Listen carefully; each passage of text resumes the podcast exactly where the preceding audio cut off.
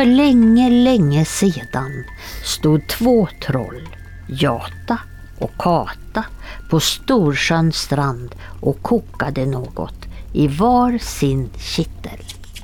De kokade och de spädde.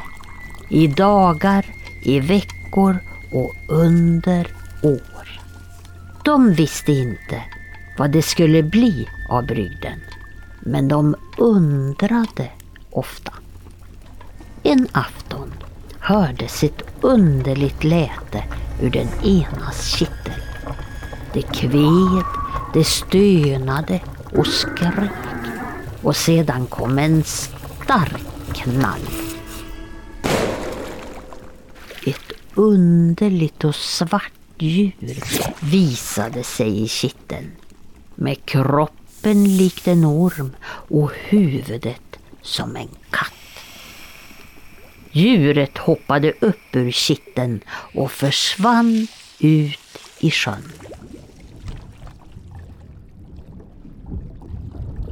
Odjuret trivdes i Storsjön.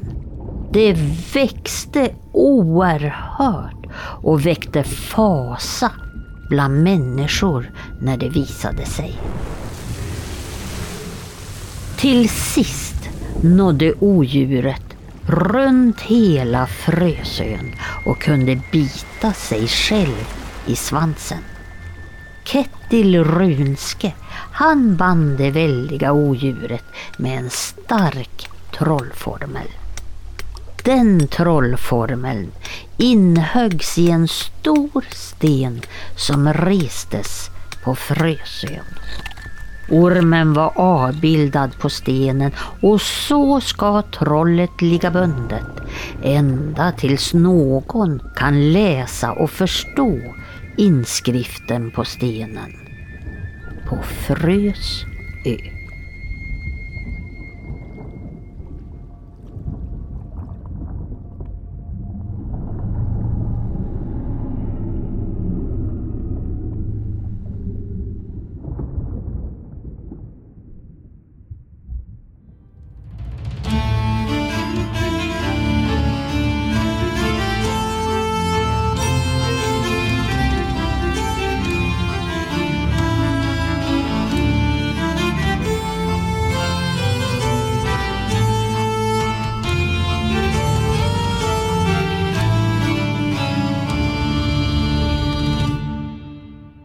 Hej och välkomna till podcasten När man talar om trollen med eh, mig, Lars Wahlström ifrån Oknytt och som vanligt Tommy Kosela som är doktor i religionshistoria.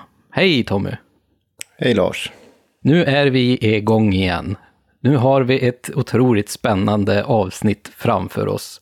Och vi ska göra ett, verkligen ett djupdyk i det här. Och den här podden är ju som vanligt en podcast där vi pratar om folktro och mytologier och olika traditioner som vi har här uppe i Norden.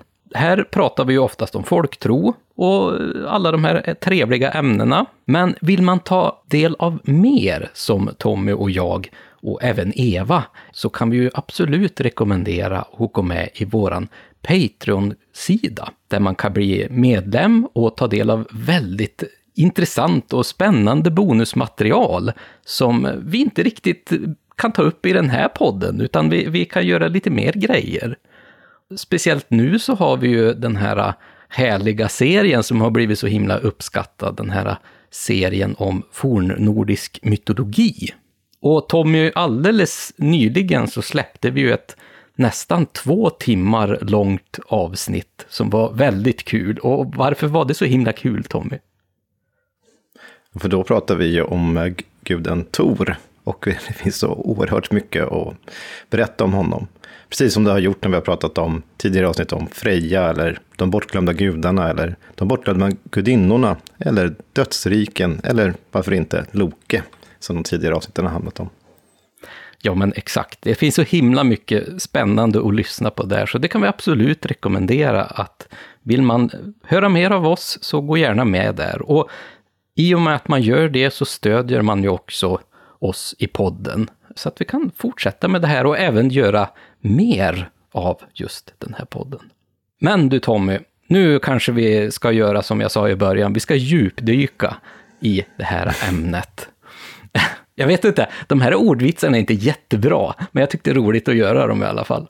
Och det är väl kanske en hint också om vad vi kommer att prata om idag, för vi hörde ju en väldigt intressant berättelse här i början, som jag verkligen tror att många känner igen och förstår vad det handlar om. För det här är ju vad, Tommy?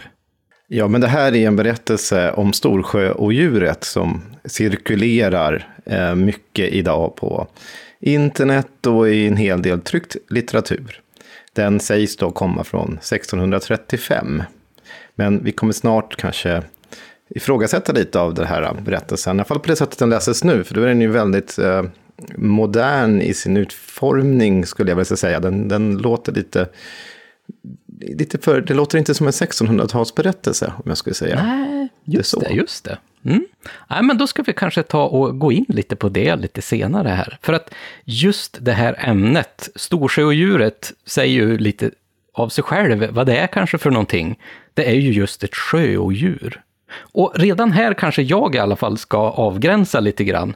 För att när vi pratar om sjöodjur, det hade vi en liten diskussion vet jag, Tommy, redan i början när vi skulle välja det här ämnet. För att då frågade jag, ja men ska vi ta med oss de här kraken som finns ute i havet och så här också? Nej, men vi kanske ska hålla oss till just de här väsena som finns i sjöarna, eller de här odjuren som finns i våra sjöar och vattendrag. Så gör vi jättegärna ett stort avsnitt om just mer havsmonster, alltså de här stora monstren som finns ute i havet istället. Vi kommer ju höra här att det, vi kommer ju prata dels om storsjödjuret som kommer ta en ganska stor del av det här avsnittet av naturliga skäl för att det är det mest mm. berömda här i Sverige. Men långt ifrån den enda eh, i sjöarna. Och sen, det är ju sjö, den är en sjö i Storsjön. Mm. För sig väldigt djup, Sveriges femte största sjö, men den är ändå väldigt djup och stor. Men det finns andra eh, ormar eller bläckfiskar, eller vad man ska kalla det för, som lever i haven. Och då skulle man kunna prata om havsormar istället. Vi kommer tangera lite grann här, men eh, vi kommer för att det ska vara lättare att avgränsa, just prata om sjöarna. Ja, men det tror jag blir bra, för våra avsnitt brukar ändå bli så himla långa, så att vi börjar så här. Men du Tommy, om vi ska, innan vi kommer in på Jämtland och även innan vi kommer in på Norden och Sverige, hur är det med sjöodjur utanför våra landsgränser? I övriga världen? Vad finns det för typ av sjöodjur i den typen av föreställningsvärldar? Alltså, ja, vi skulle kunna säga så här att Storsjödjuret är för oss kärt och är väldigt berömt i Sverige. Men i världen så är det ju inget som kan mäta sig med Nessie i Loch Ness. Där har du ju det mest berömda av alla Eh, sjö och djur eller sjöormar. Du har ju även liknande, vi kommer senare i avsnittet prata om, och även om Norge. För att i Norge finns det en hel del, både sjöormar men kanske mer havsormar som lever i haven. Eh, som vi inte ska prata så jättemycket om här, men vi kommer säga, prata om några sjöormar i alla fall i Norge. Och så finns det i Nord och Sydamerika finns det flera stycken. Det finns en som kallas för champ i, i Nordamerika då, som lever i eh, Lake Champ, Champlain då, så den har fått namn Champ därifrån. Det finns flera andra sjöar där omkring, men det finns även i Asien, det finns i Afrika och i stora delar också i Europa. Så att eh, sjöormar finns alltså världen över kan man väl säga. Ja, jag kan ju tänka mig det också, för att mycket som ligger kring just de här sjöodjuren och sjöormarna är väl att det ofta i berättelserna finns en eh, touch av att det har varit en skrämmande upplevelse. Och vara mm. rädd för djupa sjöar och bottenlösa sjöar nästan kan ju inte vara specifikt enbart för oss här i Sverige, utan det måste ju finnas i alla kulturer kan jag tänka mig. Det är också någonting som sker i de här berättelserna för att eh, det finns oerhörda, eller väldigt stora mängder av observationer där folk säger sig ha sett olika sjöodjur. Och det sträcker sig tillbaka, egentligen kan man väl till 1600-talet i alla fall. Egentligen kan man eh, hitta spår av de här berättelserna tidigare än så. Men eh, vi har många, och i tidningar har rapporterats om väldigt många människor som medan jag har sett eh, eh sjöodjur av olika slag. Även havsormar har också, eller sådana här vidunder i havs har också väldigt många. Ibland är det bara några enstaka som ser dem, och det är precis som med och djuren som oftast är några, kanske några enstaka personer, inte så stora mängder. Men eh, annars kan det vara, i vissa fall kan, pratar man om att det kan vara flera dussin människor som har sett det här samtidigt. Ibland kan det här djuret, eller vad det är, ligga ganska länge kvar. Och de är helt säkra på att de har sett det. Oftast på ett ganska, ett, ett visst avstånd då, som man inte är helt säker på. Och oftast är det då människor som rapporterar om sånt här som är ganska vana vid vattnet. Så att eh, det kan vara liksom någonting som de först kanske ser att det är en sten som man tänker först som sticker upp någonstans. Och så vet de att det inte finns någon stenar där och därför blir de ju fixerade vid det här. Och sen kommer kanske den rör på sig och mm. kommer närmare eller något annat. Och eh, det finns väldigt spännande beskrivningar av, av sådana här observationer så att säga då. Som folk har lämnat.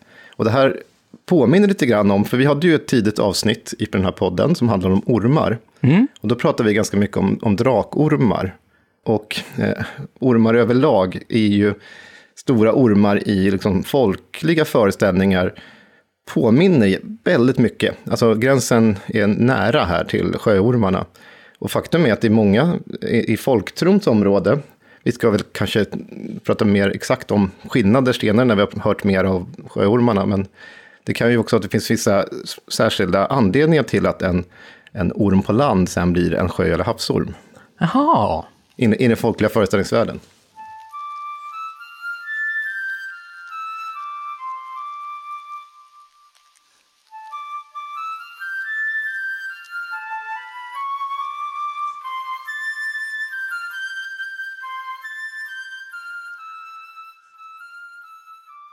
Men du, när man säger sjöodjur, de flesta av oss får väl en bild ändå i, i, bakom pannbenet. Så här ser ett sjöodjur ut. Men ska vi kanske ge ändå en liten definition på något sätt? Vad är egentligen ett sjöodjur?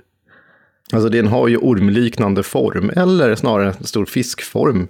Men vissa kan beskriva den som en jättelik padda eller liksom att man är väldigt, kan kännas som någon form av hästhuvud eller flera pucklar. Och alltså det, det är väldigt blandat. Och färgen varierar och, och liksom hur, hur den beter sig. Så eh, jag tycker att det kan vara väldigt svårt att ge en sån entydig eh, bild av vad ett sjöodjur är. För det är inte heller de som menar sig ha sett säkra på. Nej, jag kan tänka mig det. Och sen när, när vi pratar här om sjöodjur så då pratar vi ju om en varelse som befinner sig i vattnet och, och, och eh, människor kan se den.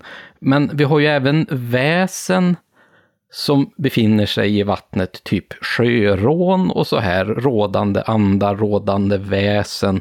Men ett sjöodjur känns inte riktigt som ett väsen på det sättet heller riktigt. Det känns mer som Nej. att här pratar man mycket om den här kanske nästan lite så här vetenskapliga mm. delen, att det ska vara ett faktiskt djur på något sätt. Ja, och det är faktiskt ganska viktig distinktion, för att det är det som har drivit det fram och, gör det än idag. Det är någonting som kallas för kryptozoologi. Mm. Det är också ett sätt att förklara det oförklarliga. Det är inte för att man säger att det, är inte folklore heller och det är inte naturvetenskap. Alltså, kryptozoologer själva ser det som en form av naturvetenskap, men det är också en eh, de kallar ju de här då, djuren då, som de ser det som, som kryptider. Det är liksom någonting som inte är fast bestämt än av naturvetenskapen om man säger så. Men de menar sig kunna ha förklaringsmodeller till det och de vill ju på olika sätt avgöra vad det är för typ av djur. Eller om det är gärna ett okänt djur. Mm. Så det är det som driver många fram. Inte att det ska vara ett eh, övernaturligt eh, fantasidjur, utan att det verkligen är ett riktigt djur som finns där. Att det ska förklara det. Och samma mekanismer driver ju även andra som brukar förknippas med i det här fältet då med Bigfoot och Sasquatch och även många andra saker. Alltså det finns ju mängder med liknande sådana här, vad ska man säga, djur, odjur. Det är också en distinktionsfråga vad man menar med det. Eh, för odjur är ju såklart mot, motsatsen till att man inte vet att det är ett riktigt djur än. Men, så det, det, är väl det som är, och eh, storsjödjuret i Sverige är ju det mest kända sånt, kryptiden vi har då helt enkelt. Mm. Som du även berättade här om den som kanske var mest känd utomlands, just Nessie. Mm. Det här sjöodjuret som finns i Loch Ness. Vad har den egentligen för typ av bakgrund? Innan vi går in liksom på storsjöodjuret, för de är ju så himla lika varandra. Intressant nog så är många berättelser om, särskilt de mer kända sådana här sjöodjur, väldigt snarlika. Man ser dem vid liknande tillfällen, oftast på sommaren när vattnet är stilla och det är väldigt varmt. Eh, Det är oftast vid eh, alltså vikar eller sådär kusterna som de visar sig. Inte mitt på öppna vattnet som man kanske skulle kunna tro. Nessie då, eh, Loch Ness som är, då kan jag dra en liten rolig anekdot för det måste man nästan göra. När jag fyllde jämnt sist så var ju jag, var- fick jag en dröm i uppfyllelse. Det var faktiskt att eh, resa till Inverness i Skottland och eh, då på min födelsedag eh, befinna mig på en båt ute på Loch Ness. Och det gjorde jag. Nej, vad roligt. Stirrade ner det här oerhört grumliga vattnet och där man ser ingenting för det är så himla mörkt. Eh, det är väldigt, väldigt vackert. Det är mitt i Highlands och Sverige, Skottland. Eller högländerna ska man säga på svenska. Jag tänkte på alla dessa berättelser och det blir någonting när man är ute på sånt här vatten att man kanske inte gärna skulle kasta sig ut från båten och simma i land även om det är varmt. Så är det, någonting, det, är, det är mystiskt, det finns någon mystik kring det här. Just Nessie är ju det så himla känt. Hela världen känner ju till Nessie. Som man har gett henne då som en, en eh, ja, som smeknamn. De har ju till och med ett exhibition center precis vid vattnet där, som är ett av de mest berömda ställena man åker med båtar. Som jag gick igenom också.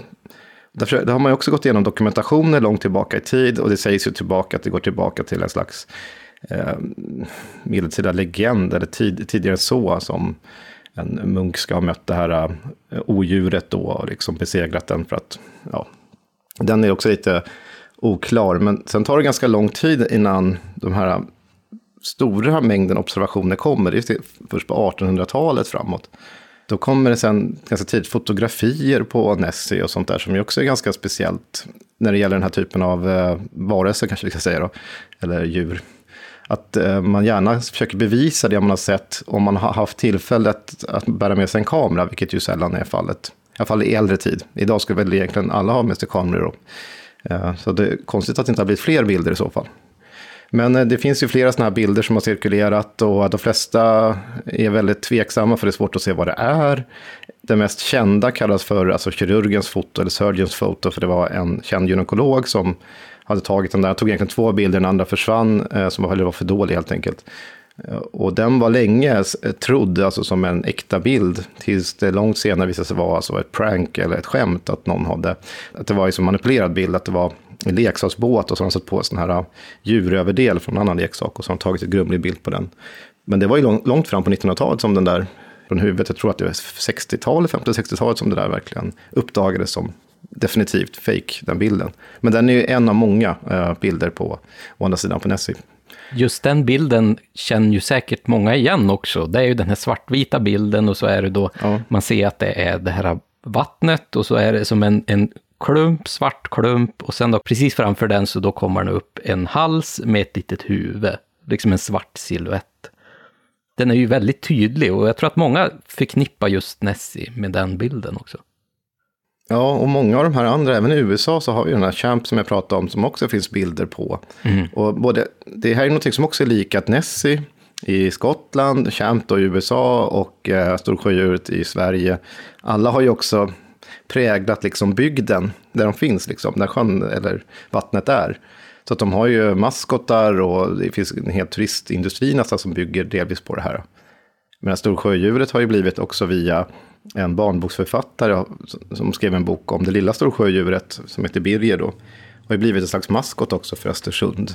När det var vinter-VM här nyligen så var det ju eh, sådana där maskotar överallt med figur, utklädda som stod liksom och hejade. Och det finns liknande även i- från Champ då, ett, ett, ett lag som också har den här som en maskot. Då blir det ju också den här gullifierade varianten, som lite snuttigare eh, versionen av de här odjuren då. Man kan ju spåra Nessie, det sägs då, långt tillbaka i tid. Men det är en lång lucka också innan alla de här observationerna börjar komma sen. Mm. Så det är ju lång, lång tid som det inte händer någonting alls då helt enkelt. Eh, Precis, precis som det faktiskt finns en lucka även här i Sverige när det gäller storsjödjuret. Från de här som skrivs på 1600-talet till observationer börjar ske igen på 1800-talet. Ja, men det, det är så himla intressant det här. Och i och med att du säger det, vi kanske ska gå vidare just till Storsjödjuret, för att de känns så lika varandra de här, både Nessie, förklaringen kring Nessie och hela historiebildningen kring den känns igen så väl kring Storsjöodjuret. Och när vi tittar på den här första texten som vi hörde här inledande, de här två trollen som stod och rörde i grytan och pang sa det och så slank iväg en liten ormliknande varelse med katthuvud som senare då växte till sig och blev det här stora storsjöodjuret som till och med kunde lägga sig runt hela Frösön och bita sig själv. Ja, och sen är det här som, som jag sa från början så är den här intressant för att den cirkulerar överallt. Eh, Den, den tillskrivs då en eh, person som heter Mårten Pedersson Herdal. Eh, Och han ska ha skrivit det här i en handskrift 1635 sägs det. Men ingenstans har jag hittat den berättelsen. Eh, Däremot så finns det en annan berättelse som faktiskt lyft fram. Nu har inte jag gått till och åkt och tittat på de danska rannsakningarna. Antar att det här ska vara inskriven i eh, faktiskt danska eftersom det är Jämtland som var del av Norge då, så att säga. Däremot finns det en annan sägen som tas upp vid flera tillfällen. Och den finns däremot citerad i, i vetenskaplig litteratur senare, så den vet man i alla fall att folk har eller sett och skrivit av. Så den kanske vi kan ta och höra nu. Absolut, och, och lyssna nu på de, de små, små skillnader som finns i just de här texterna.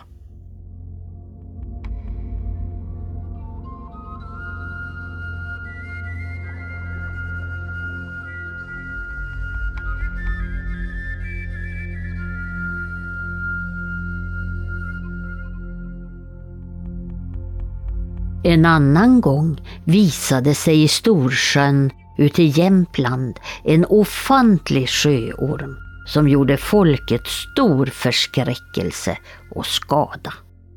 Sedan alla medel fåfängt blivit försökta efterskickades den namnkunnige Kettil Runske. Denne kom och uppreste en sten varpå han inhögg kraftiga runor genom vilken ormen fängslades på sjöns botten.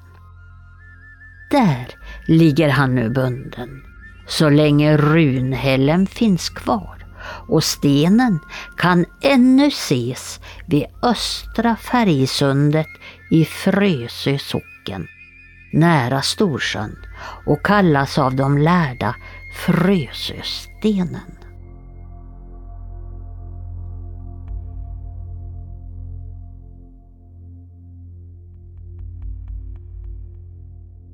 Det här var ju otroligt intressant. Den, den här var ju lite annorlunda, för det här saknar man ju liksom hela den här delen med de här trollkvinnorna och, och födelsen av hela sjöodjuret och så här, utan här var det bara det här stora odjuret i vattnet som måste stävjas på något sätt, här då av eh, Kettil Runske. Absolut, och det, det, det är en ganska stor skillnad tycker väl jag då. då. Nu, nu säger ju inte jag att, att den andra inte existerar, bara att den citeras aldrig från en riktig källa när den, när den liksom figurerar någonstans. Däremot gör den här versionen som vi hörde, hörde nu, fast vi har ju moderniserat den för att den ska vara begriplig för dagens svenskar så att säga. Eh, det- är, det är en viss betydelse det här med att jata och kata, eller det, som de här då trollkvinnorna ska heta. Det finns mycket senare eh, sägner. En från 1897 som, som bland annat tas upp i Jämten. Som berättar om en trollkärring. M- Men inte vid namn. Alltså den, den har en helt an, ganska annorlunda utformning. Det är liksom en förbannelse kan man säga av en person som ska inte titta ner i en gryta som den får. Och när, när den väl gör det så ser den ett litet yngel där i och sen välts grytan omkull och sen så det här paret då som av trollet har fått den här grytan. Eh, när de tittar ner så dör den här gumman då på fläcken. Det här är en människogumma. Eh, då kommer det här eh, ynglet ut i Storsjön och växer sig såklart sen. Och samtidigt blir hennes man straffad som är ute och jagar björn och eh, blir dödad av en björn helt enkelt. För att, han, för att de bryter mot ett tabut. Så den den är ganska annorlunda. Men samtidigt finns ju Kettil Runske däremot, som heter Kitte Rumske här, men det är samma person uppenbarligen. Finns med även i den här versionen. Som från 1897. Så den är någonting som har funnits ett bra tag. Och den finns även, han, han omnämns även i en senare text från 1685. Och den texten är lite intressant för att man gjorde ett försök på 1600-talet här, att man skulle samla in Sveriges gamla, alltså fornminnen då. Egentligen börjar år 1666, när man ville ha en statlig reglering av det här inom Sverige. Och då var det Karl XIs förmyndarregering och framförallt då rikskanslern Magnus Gabriel de la Garde som ville liksom fånga in berättelser av det här och ville ha hjälp av folket. 1667 instiftades något som heter antikvitetskollegium och jag kommer komma till poängen snart, jag ska inte gå in i den här historien.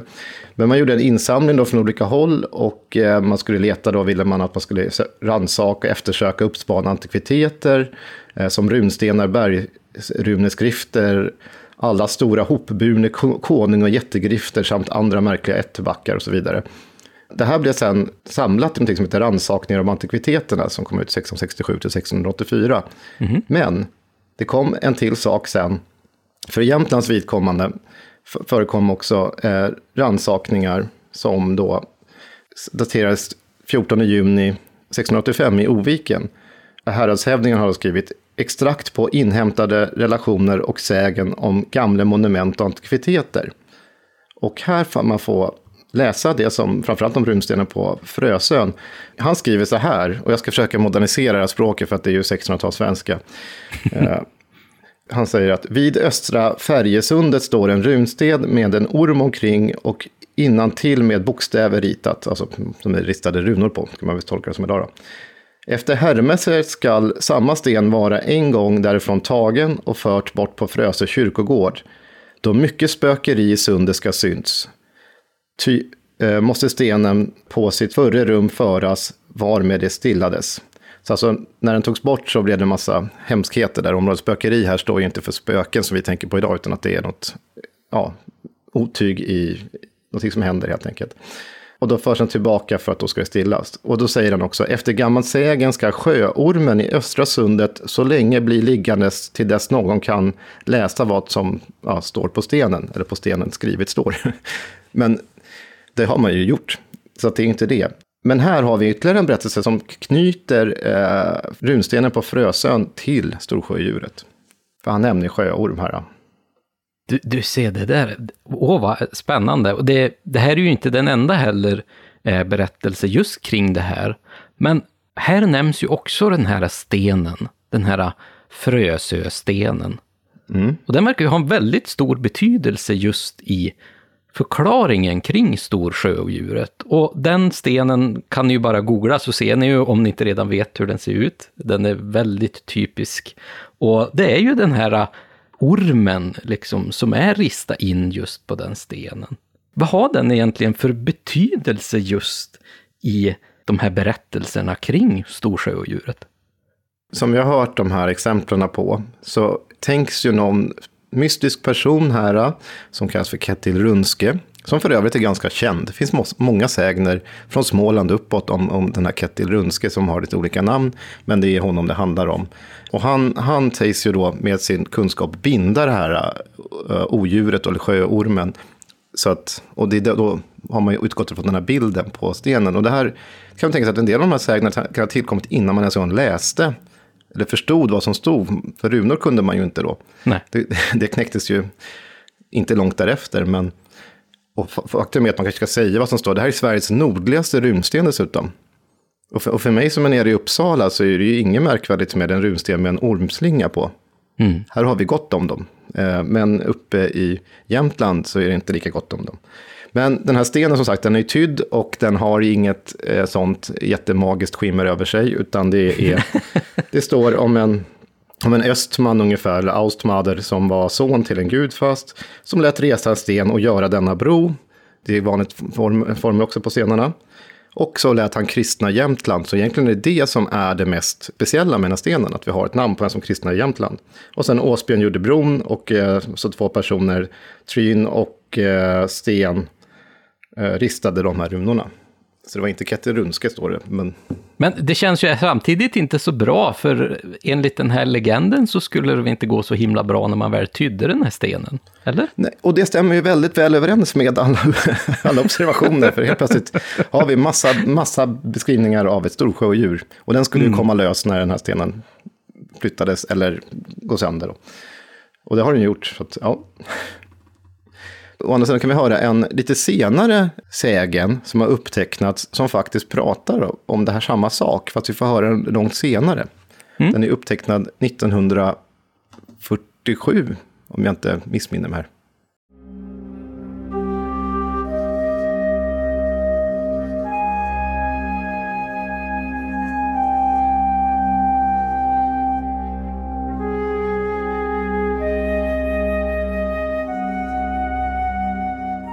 På östra stranden, där Storsjön nu ligger, stod två kärringar och kokade något i varsin gryta.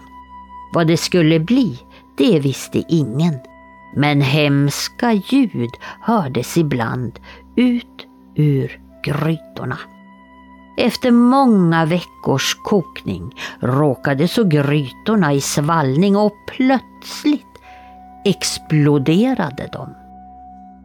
Upp ur den ena grytan kom en kropp med katthuvud och ur den andra en väldig orm.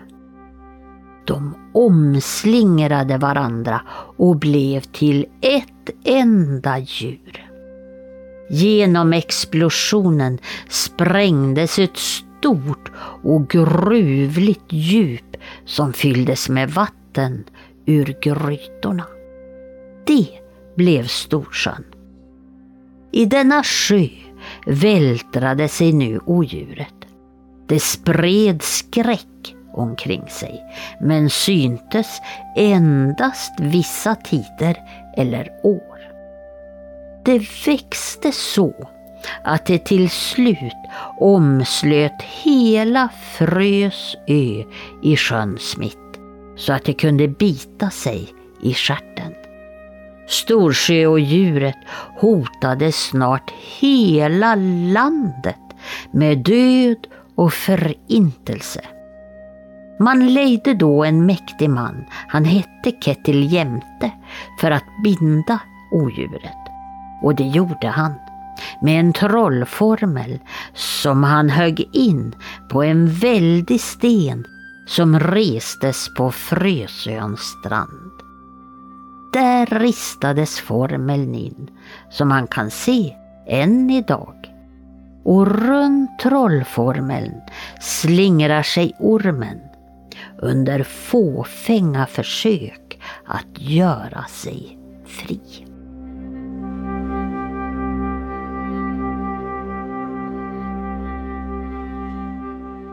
Ja, den här är ju otroligt lik den här första introtexten vi fick höra. Med, med lite små skillnader och en kanske ganska stor ändå. För det, det, var ju alla de här temana att det är de här två kärringarna som står där uppenbarligen och bara kokar någonting i flera år och dagar. Och vet inte riktigt vad det ska bli. Men eh, så smäller det till och så då blir det den här storsjöodjuret som slinker ner. Men här är det ju ändå en stor skillnad. Här får man ju en förklaring till hur hela Storsjön i sig kommer till. Det tycker jag är rätt intressant. Mm. Jo, men man kan ju se att äh, sådana här berättelser kan också vara sådana här upphovsägner som berättar om, äh, precis som med jättar som vi pratade om i vårt absolut första avsnitt, som liksom sätter sig prägel på landskapet. Man ser vad de har gjort och var de har legat och vad de, alltså sådana saker, så de har format landskapet. Och i det här fallet så är just, då tillskrivs ju även Storsjödjurets tillblivelse samtidigt med, med Storsjön. alltså den, den, den blir, de blir till samtidigt kan man säga. Här då. Men en annan stor jättestor skillnad är att den här är 320 år yngre än den första. Om den nu den första har varit, funnits i muntertradition. Den här, jag sa 1947, men 1955 så berättades det här av en Erik Andersson. Som var född 1851 i Brunflo i Jämtland. Men det, den är bra mycket senare och det finns ju en hel del även tryckt litteratur som har utkommit dessförinnan. Alltså, jag sa ju det att från 1897 så var det en, en version i Jämten och flera andra texter kom ut däremellan. Men man ska inte alltid utgå från att allting har stått i, i tryckt litteratur heller, för mycket har ju också studerats muntligt i, i, i bygden så att säga. Om ni på något sätt hittar den här första versionen med Jata och Kata, eh, om ni är mycket bättre än mig och, och tar er till, eh, och, letar upp originalet och hittar den berättelsen, får ni jättegärna fotografera av och skicka till oss. Så lovar mm. vi att, eh, att lyfta det. Absolut. Det, det vore jätteintressant att få se mer av det här. Eh, men här dök ju också den här Kettil Runske upp. Och du nämnde ju så här bara lite i förbifarten att han är känd över hela Sverige nästan, den här eh, trollgubben.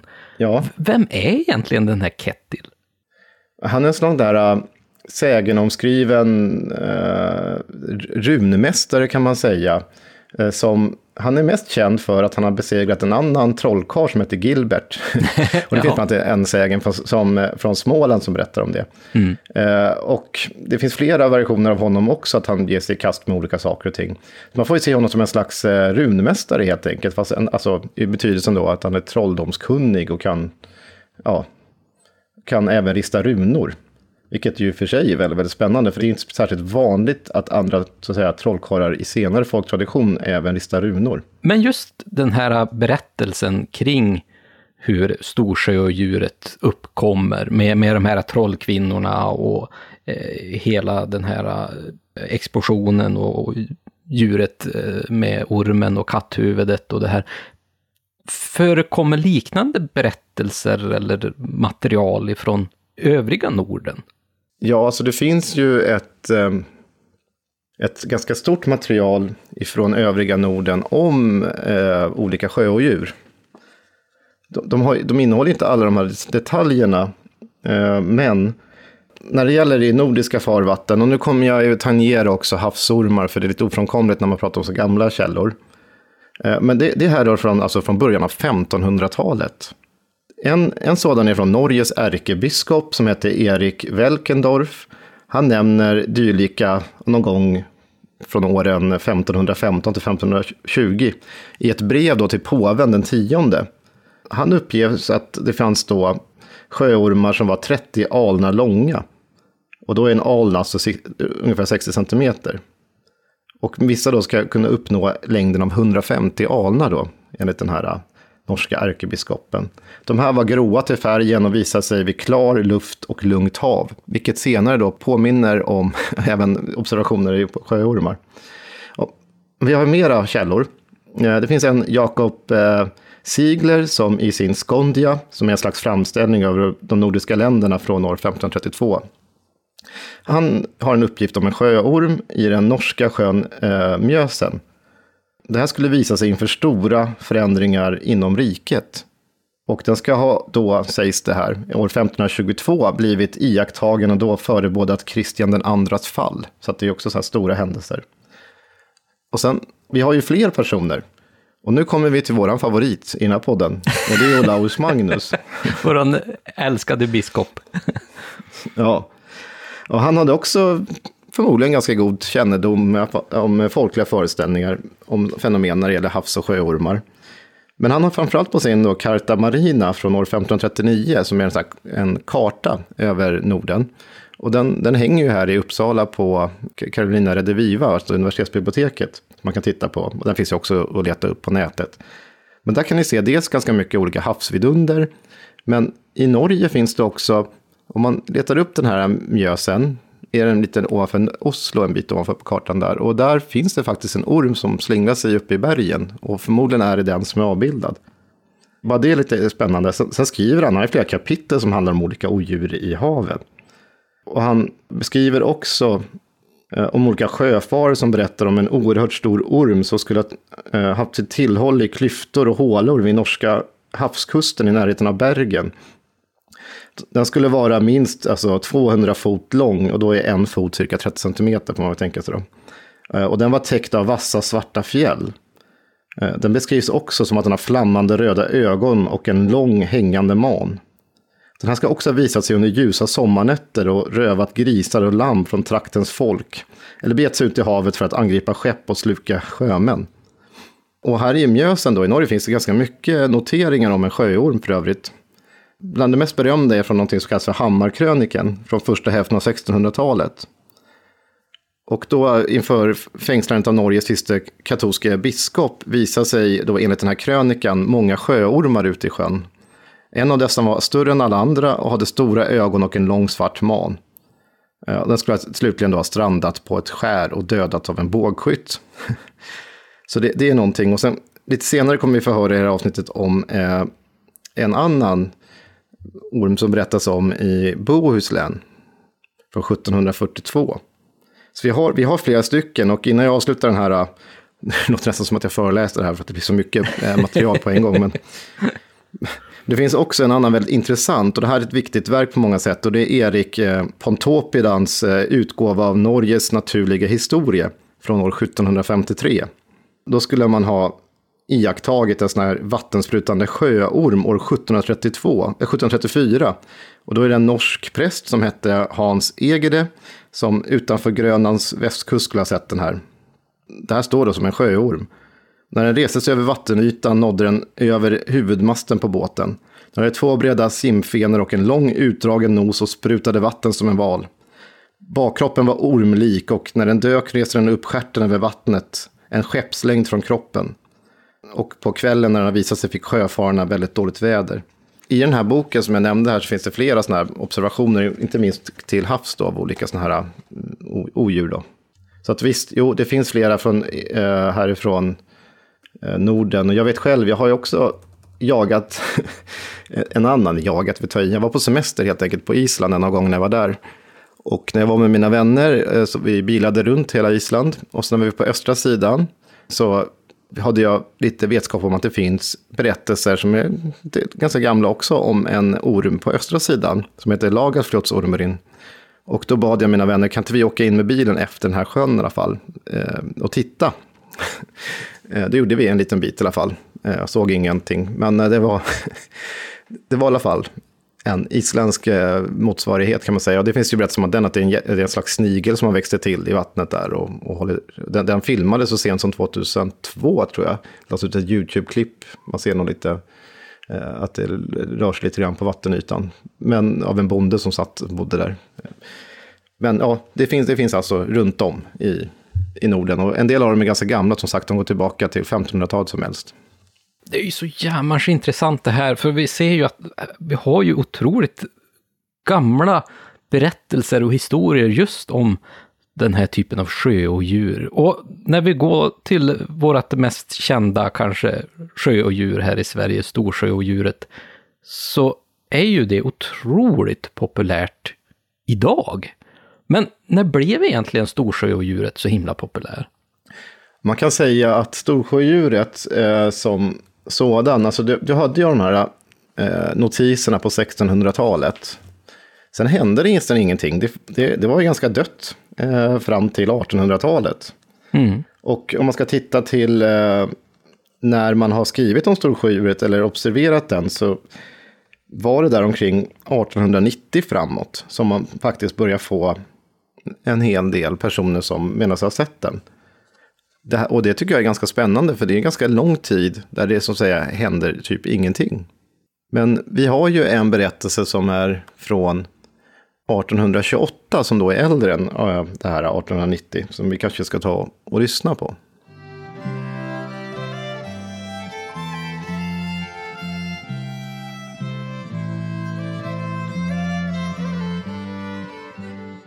Min far, Aron Andersson i Salom, som nu är död, berättade många gånger att han i sin ungdom för en 60-70 år sedan en vacker dag hade arbetat med slotten på ägorna mot Storsjön tillsammans med flera andra personer. Då hade han fått syn på ett djur som låg vid stranden och rörde sig i vattnet. Grannen Mårten Persson han hade en rödgrå häst med en vit man och till en början trodde min far och de andra också som såg djuret att det måste vara denna häst som på något besynnerligt sätt hade kommit sig i vattnet. Färgen på djuret det stämde med hästens och vid djurets huvud låg den vita manen och flöt ut på vattnet. Man bestämde att man skulle gå ner till stranden och försöka rädda hästen. Men då man kommit ner i backen som stupar ner mot sjön, då begav sig djuret med stor fart utöver. Tills det plötsligt försvann ner i djupet. Först då förstod de att de hade fått se det hemlighetsfulla djuret som sägnen även på den tiden visste att berätta skulle finnas i Storsjön.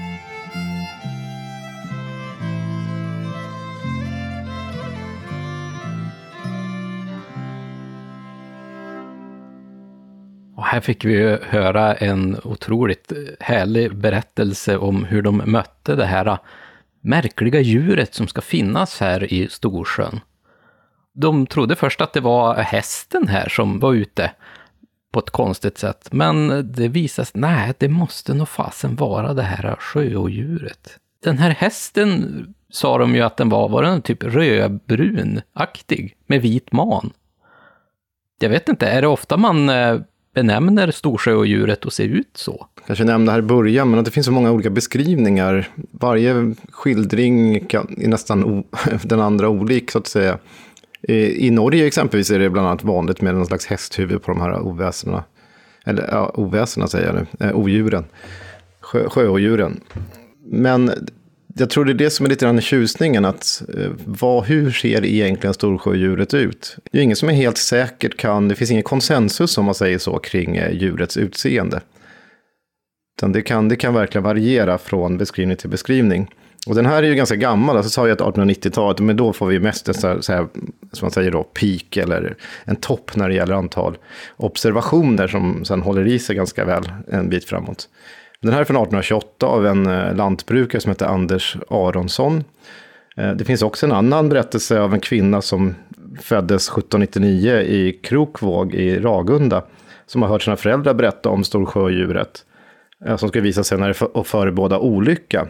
Och det här är också intressant att särskilt i de äldre så är det oftast olycka när man har sett den. Alltså det blir något sånt där, precis som vi hörde om från Norge och så, att när man ser sånt här odjur så, så kommer någonting dåligt ske helt enkelt.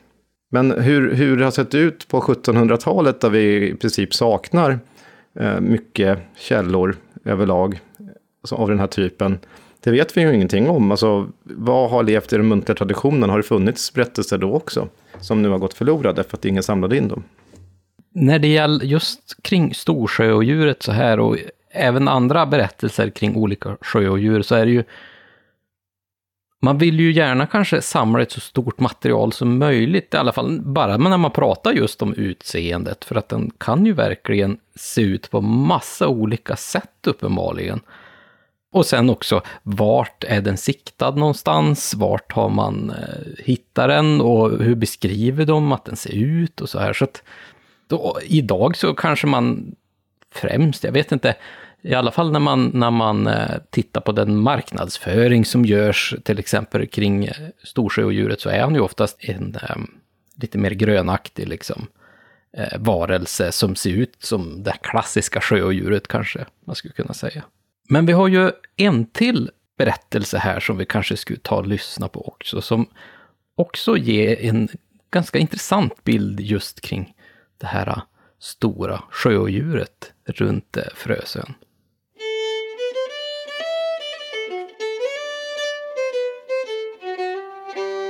Den tionde dennes månad omkring halv tio efter middagen observerade jag tillika med fyra personer av mitt gårdsfolk på ungefär 500 alnars avstånd från min gård. Ett djur av cirka 25 fots längd gående söderut på Storsjöns vattenyta med en sådan fart och åstadkom lika rörelse i vattnet såsom en häftig roddbåt. Innan jag hade hunnit beväpna mig för att våga nalkas och närmare undersöka vidundret var det så långt avlägsnat att det inte var möjligt att hinna fatt. Som detta, eller något dylikt, blivit sett på åtskilliga ställen av Storsjön de senaste åren utan att någon skada blivit tillfogad människor eller djur så bör man helst antaga att detta är en gädda. Som sålunda blivit en jätte och härskare över Storsjöns invånare vilket härmed ödmjukligen rapporteras. Sanne den 25 juli år 1855 av Paul Andersson.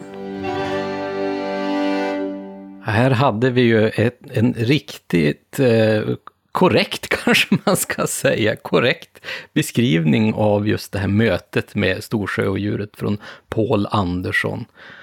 Och det här är väl också lite speciellt för att den här är ju från då 1855 då, som eh, ska vara nedskriven.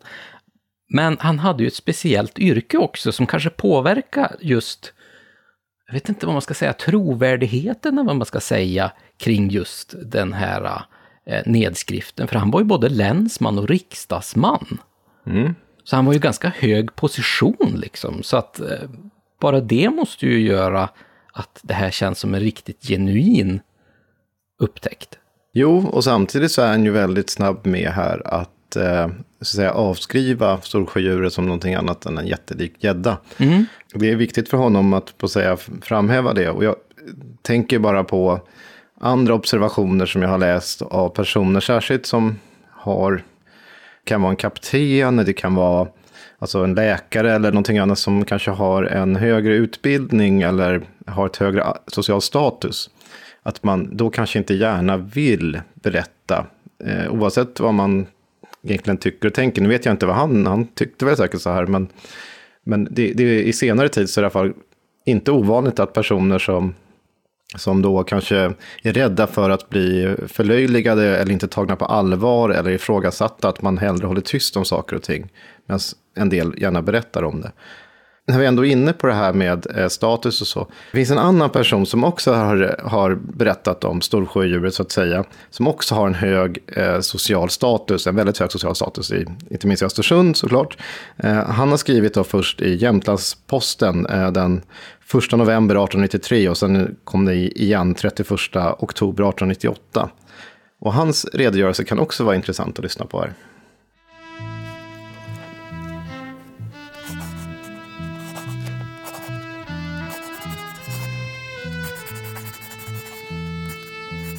Det var under slotten.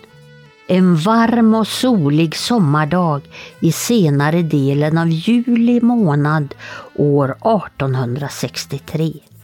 Då jag jämte flera av gårdsfolket före solnedgången kom från slotten och hem på gården där svärmor stod och var ledsen på barnungarna vilka så sent höll till i vattnet och blaskade och väsnades.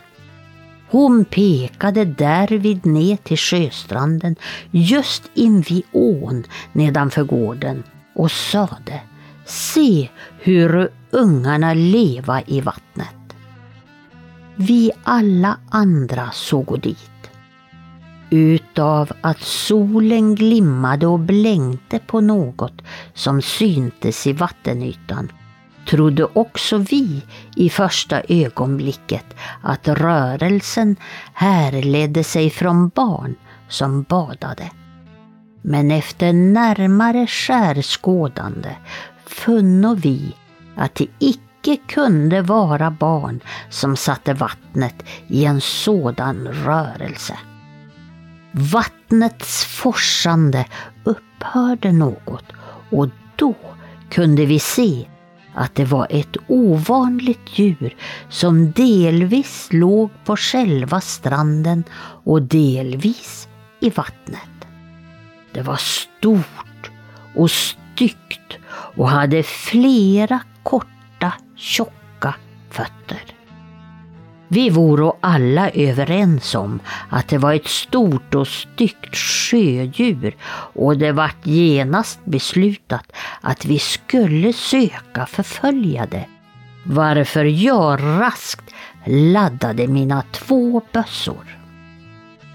Det andra skulle leta reda på åror och tillbehör till två båtar som låg nere vid stranden. Under tiden hade det ohyggliga djuret begivit sig något från strand och låg längre ut i vattnet. Med laddade bössor gåvo vi oss iväg med rask fart ner till sjön varvid djuret sakta rörde sig utåt. Detsammas utseende liknade då tio till tolv blanksvarta hoplänkade ankare som gått efter varandra. Vi gingo fyra man i varje båt. Tre vid årorna samt undertecknad och mjölnare Kvarnström i varsin med varsin bössa och tummen på hanen. Det bar av efter djuret i allt vad roddarna förmådde. Men detsamma gav sig undan med en sådan fart att vi distanserades allt mer. Vi hunno aldrig inom skotthåll och mitt på sjön, det var mellan Bilsta och Matnäsudden, då försvann djuret i djupet. Djurets storlek kan jag ej så noga bestämma, för efter vad som syntes av vattnets rörelse visade sig icke hela djuret ovan vattnet. Djurets synliga del kan man emellertid nog uppgiva ha varit av 10 alnars längd, det vill säga 4,5 meter.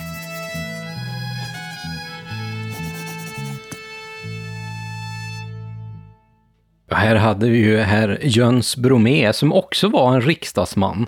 Så att han var ju liksom också i en sån här ganska hög social status, om man ska säga så. Och här var, jag menar, han var ju inte heller alldeles ensam heller i den här siktandet av den här sjöodjuret, utan det var ju en, ett helt gäng med människor som till och med drog ut med båtar och bössor och försökte jaga efter det här djuret. Så det är ju en ganska viktig upptäckning om man säger så. Men vad är det som gör att den är så känd? Ja, men jag tror att det är att han är en ganska berömd riksdagsman. Eh, eh, jag vet att exempelvis på Jamtli eh, så har de ju fotografi på honom och sådana saker. Ja. Den här lyfts oftast också fram i sammanhang som berättar om storsjödjuret. Någonting han har gjort här också när han har liksom fått med den här artikeln i tidningen, det är också att han har intygat att det här är sanning. Och det gör han alltså under edlig förpliktelse. Och det ju, säger ju en hel del också med tanke på hans status och så. Och han, som, som du säger, så var han ju inte heller ensam, utan det var ett sällskap med andra som skulle ut och jaga det här odjuret. Och det var ju såklart det första de tänkte på då var bössa i hand och ut och jaga. Ja, precis. Ska bekämpa den. Mm. Det finns ju flera sådana här, och vad som jag tycker är spännande som jobbar med ett folkloristiskt material är att när det kommer till storsjödjuret, eller överhuvudtaget när vi pratar om den här typen av företeelser som sjödjur eller ja, kryptider av andra slag, så är det ganska vanligt med alltså, förstahandsobservationer, eh, personer själva som berättar vad de har upplevt. Vad, kanske vad vi forskare skulle kalla för memorat, alltså det, det, det är de själva som har upplevt detta. Det är inte så att man har hört det av farmors bror som har varit någonstans och träffat på skogsrået, utan Visst, den, de memoraten finns ju även i de här vanliga sägnerna då, alltså om skogsrå så såklart också. Men här är de ju så eh, övervägande. Mm. Det, är, det är observationer som själva lämnas av deras egna möten i regel. Och ibland har man till och med människor med sig som har varit med om samma saker, vilket jag tycker är oerhört fascinerande. Jo, men, och det, det, är ju någonting som även kanske styrker mer och mer att det här är faktiskt ett odjur som finns i den här sjön eller det här havet eller vart det kan vara. Eller den här skogen, om det nu är någon annan typ av varelse. Att jag kan stå här själv och säga att jag har sett det här. Sen får ni tro vad ni vill naturligtvis, men, men det ger ju kanske en lite mer styrka till själva berättelsen. Av mm. själva observationen på ett sätt. Och helt uppenbarligen har de ju sett någonting. Mm, mm. Frågan är vad de har sett, alltså om man ska kunna, idag då, om man ska vara kritisk. Men de är ju helt övertygade om att de såg det de beskriver här på det sättet. Så, ja. Det finns en annan berättelse som också är, är eh, kort senare, men den är, också, den är ganska berömd också. Det är två systrar som har eh, mött storsjödjuret. Och det kommer ju också från en artikel, va? Visst är det så? Eh, deras redogörelse för sitt möte blev så ja, omtalat så att eh, tidningsredaktören då reste till dem och eh, intervjuade dem, alltså tidningsredaktören för Östersundsposten. Han besökte själv de här två flickorna eh, Och kunde två veckor senare, efter att han hade eh, intervjuat dem, berätta deras historia i tidningen. Ja, men vi- måste ta och lyssna på den här på Märta och Karins upplevelse här med sjöodjuret.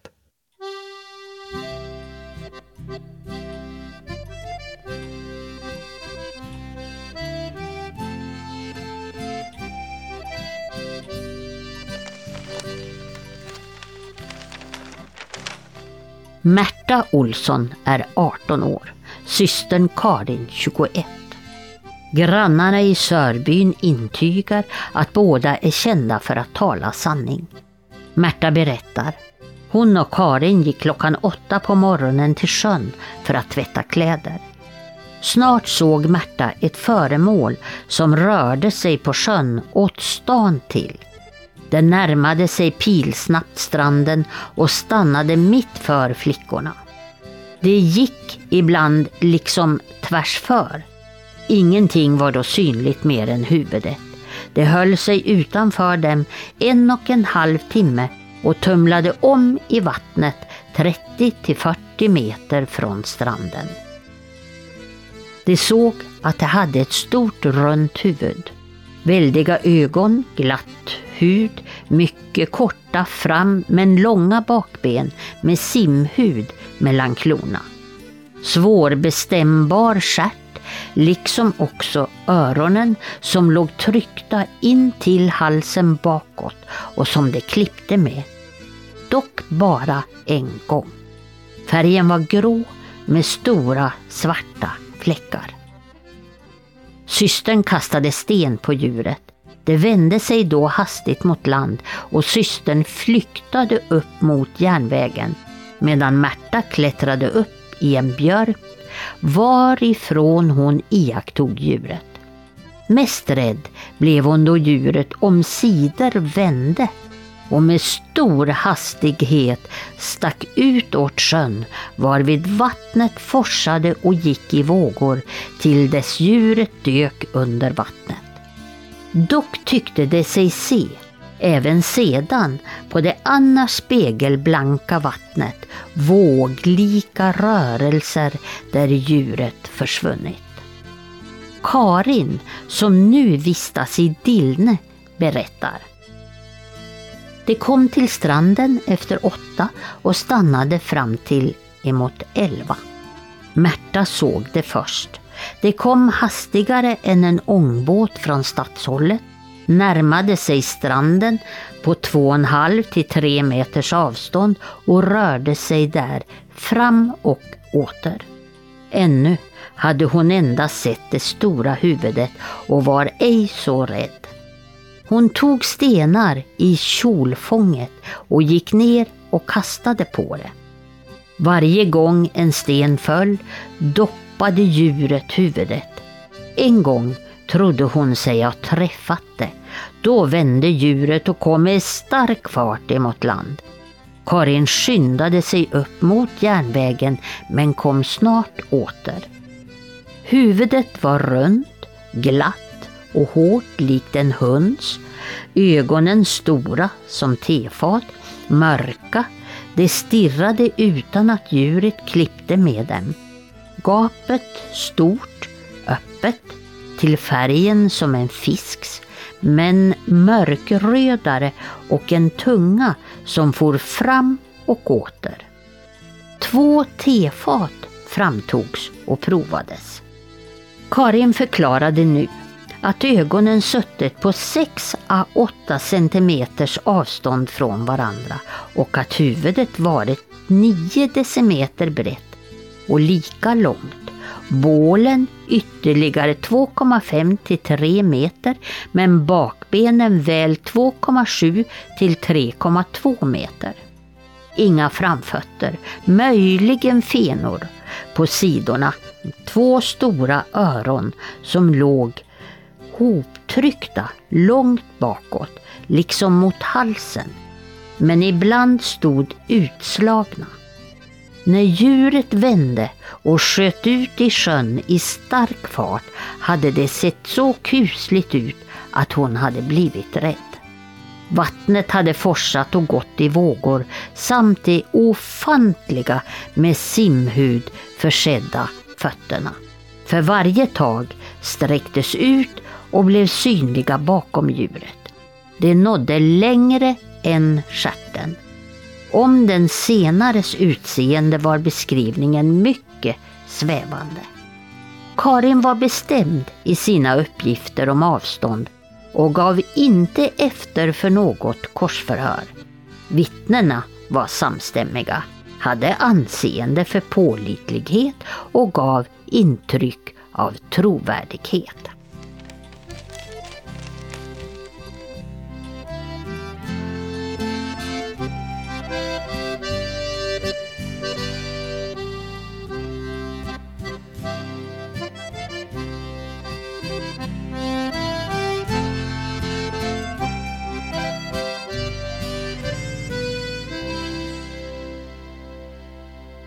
Jag förstår verkligen att Märta och Karins berättelser hamnar här i tidningen, för det här är ju otroligt detaljerade beskrivningar, både hur själva observationen gick till, men även hur hela det här odjuret ser ut.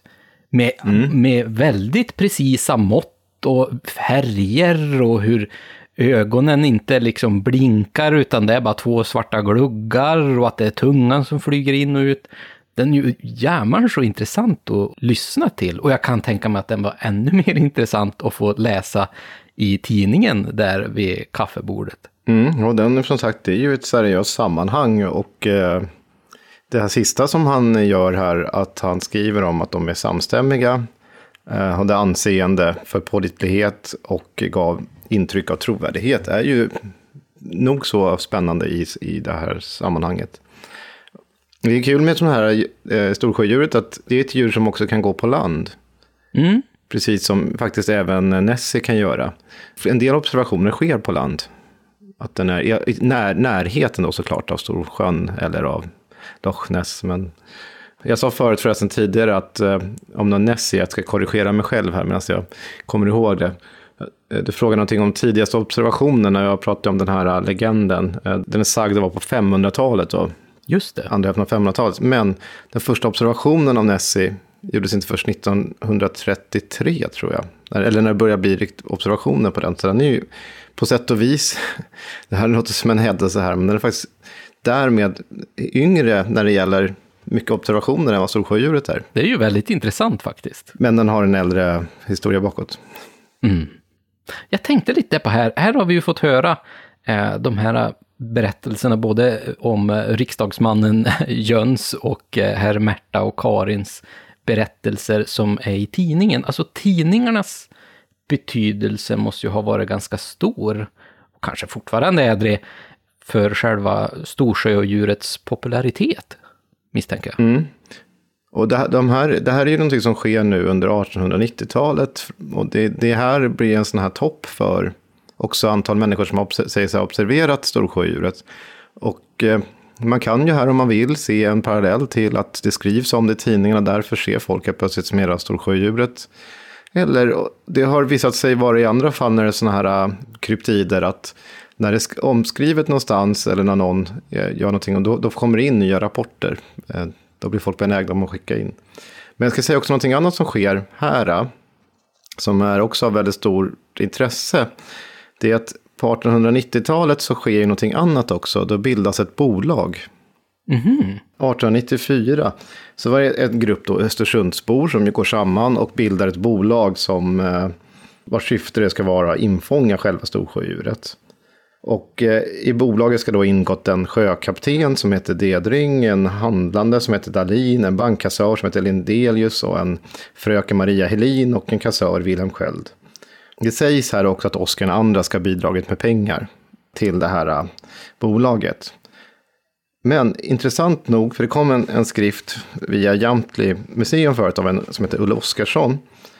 Och hon menar också på att eh, det var väldigt svårt för att hitta några, alltså överhuvudtaget bolagshandlingar. Det finns inte i Länsstyrelsens handelsregister eller hos Patent och registreringsverket eller hos Kommerskollegium. Och det, här är någonting som också blev väldigt kontroversiellt när det här kom ut. Att den 21 januari 1957 så beskriver författaren Axel Lindström i Länstidningen, Eh, där beskriver han hur en hyvelmästare som heter Lundqvist i Rätansbyn som barn har hört att redaktör Saxon avslöjat att hela 1890-talets Storsjö och Djurshaus var en bluff. Syftet då skulle ha varit, sägs det här, eh, var iscensatt av tidningen i maskopi med stadens näringsliv för att få fart på affärerna, folk till hotellen, passagerare till ångbåten och så vidare. Så det är någonting som sägs här i alla fall. Men det är någonting som, med bolaget i vilket fall, det, har ju satt, det sattes ju igång, det finns ju foton på saker de har gjort och sådär också.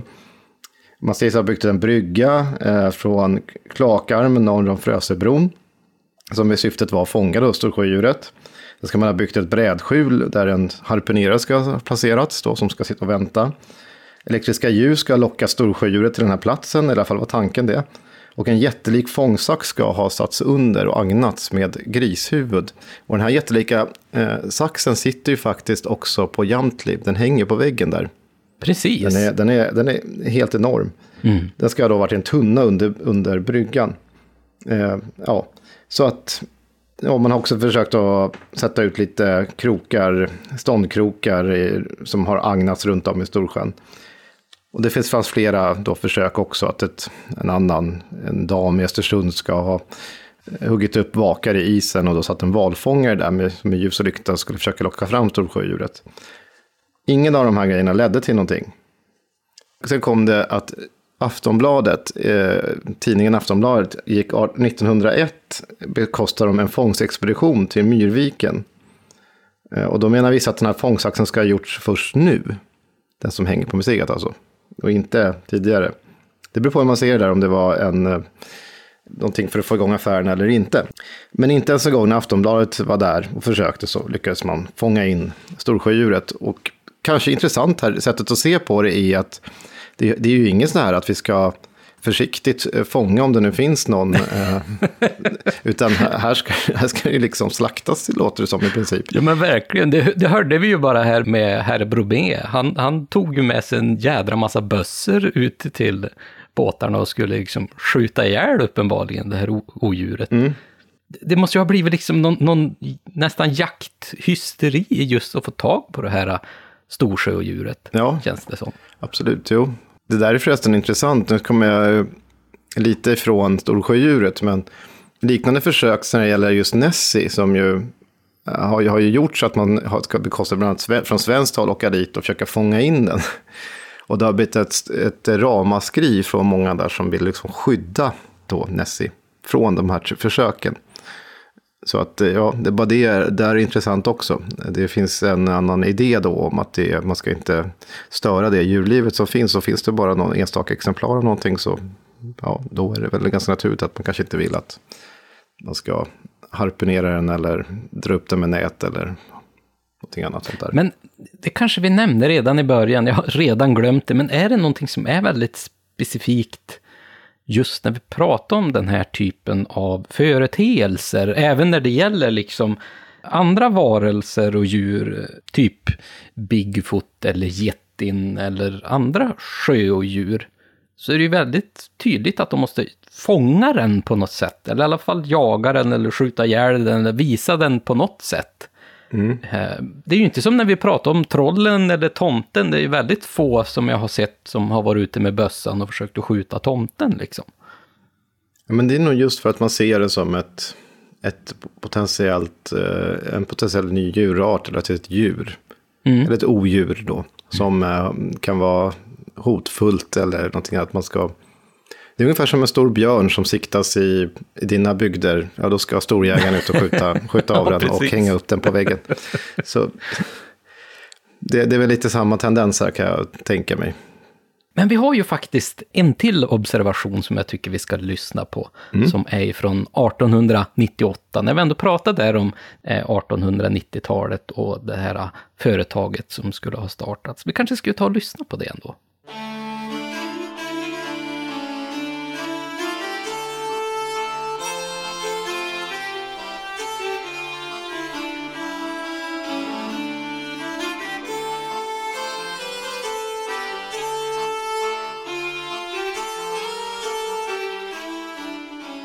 Utanför Vattjoms brygga i Oviken såg byggfaktor Åsén omkring år 1898 storsjöodjuret på ganska nära håll och på längre håll så såg fem andra fullväxta personer det samtidigt.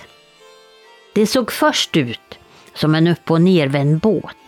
Men fru Åsén, hon sa att en båt, det kunde det inte vara. Det höjde och sänkte sig och började ta en väldig fart så att det blev svallvågor. Det simmade mot vinden. Och sen, han hade inte trott att Storsjöodjuret fanns, men måste ändra sig nu när han såg det. Någon gång så har ju andra sett odjuret åt Vällvikshållet. En Vällviksbo han omtalar att han och far hans hade varit ute på Vällviksjön och lagt ut nät. Och när de senare får ut för att vittja näten, då hörde de ett ljud som av forsande vatten. Sjön var blank och stilla, men det blev bubblor i vattnet och de såg inget. När de hade fått upp näten så var det inte en enda fisk i dem, men en massa luftblåsor och fiskfjäll. De båda Vällviksborna, de blev rädda och skyndade sig att få upp näten i båten och rodde därifrån. Det var några andra Vällviksbor som några månader tidigare hade sett ett stort mörkt föremål försvinna ner i djupet när båten från stan signalerade. Just innan den nådde fram till bryggan i Vällviken.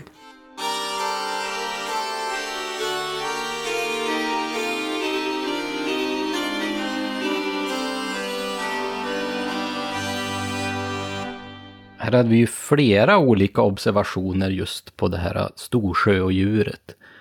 Ska det vara väldigt många observationer under den här tiden också? Mm. Det, det var en tid när man kan säga att det nästan toppade eh, när det gäller antal observationer. Det här vid sekelskiftet. Men det har ju, det har ju pågått faktiskt in i modern tid. Att eh, även på 1940-1970-talet och så vidare, det finns, har, har, många observationer gjorts. Men jag tänker också att det har ju också samtidigt som det här, eh, tidningar skriver om det, det finns uppenbarligen människor som har, medan jag har sett storsjödjuret, så är ju också forskare intresserade av storsjödjuret. Och, och redan tidigt var man det. Det finns bland annat en, så att säga, en stor studie eh, som gjordes år 1899 av en som heter Peter Olsson. Han var lektor vid Östersunds högre allmänna läroverk. Och den här heter Storsjödjuret, framställning av fakta och utredning. Och där går han igenom, har han samlat in ett, ett mängd antal berättelser som då ska vara eh, vittna om hur folk menar sig har sett det här djuret och vad de då hur de har presenterat den. Och det här påminner jättemycket om, om Hultén Cavallius, tycker jag, som vi pratade om i ormavsnittet. Hans sätt att leta efter drakormen. Men skillnaden här, eller egentligen inte så stor skillnad, för både Hultén Cavallius och Olsson i det här fallet tänker sig att det här är en riktig djurart. Mm. Och vad Peter Olsson tänkte sig då, vad han kom fram till i sin studie här, att det var en tidigare okänd sälart som fanns då i Storsjön. Mm. Det var, det var hans studie. Jag kan säga att alltså, det här möttes ju också av kritik. Så kort tid efter som år 1900 så kom en, en person som heter Carl Wibling som skriver en artikel som heter Bidrag till kännedomen om det så kallade storsjödjuret. En bäferfamilj? Frågetecken då. Och då menar han ju på att det var ju självklart att det var en bäverfamilj man hade sett där och inte, inte någon tidigare okänd sälart. Det, det är ju samma typ av teorier känns det lite grann som, eh, som kretsar kring Nessie, alltså Loch Ness också. För där har man ju även varit inne på att det kanske skulle kunna vara en eh, urtidsdjur ifrån havet, alltså nästan någon form av dinosaurie som har lyckats leva kvar i modern tid på något sätt. Och att det är ju också väldigt tydligt där att man vill koppla det till att det är faktiskt ett djur. Jo, och jag tycker att det, alltså, på tal om forskning så ska vi väl komma in på den forskare idag som ju faktiskt håller på att skriva sin doktorsavhandling om storsjödjuret. Men jag tänkte innan bara ta upp det här lite mer förklaringar som har gjorts genom åren fram till idag. För det finns en mängd olika sådana här eh, förklaringar till vad storsjödjuret egentligen är. Och precis som du sa så kan man även höra liknande förklaringar användas som Nessie och om andra sjöodjur. Och så lite variation beroende på vart i världen man är då såklart. En teori som är ganska populär är att det skulle vara en slags mal. Mm. Att det ska vara, Ja, men det har jag eh, hört också.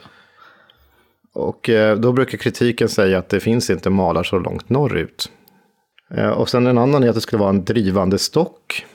Också en teori som har framhävts bland annat av en norsk folklorist som skrev en jättebra artikel om, om norska sjöodjur och havsormar så att säga.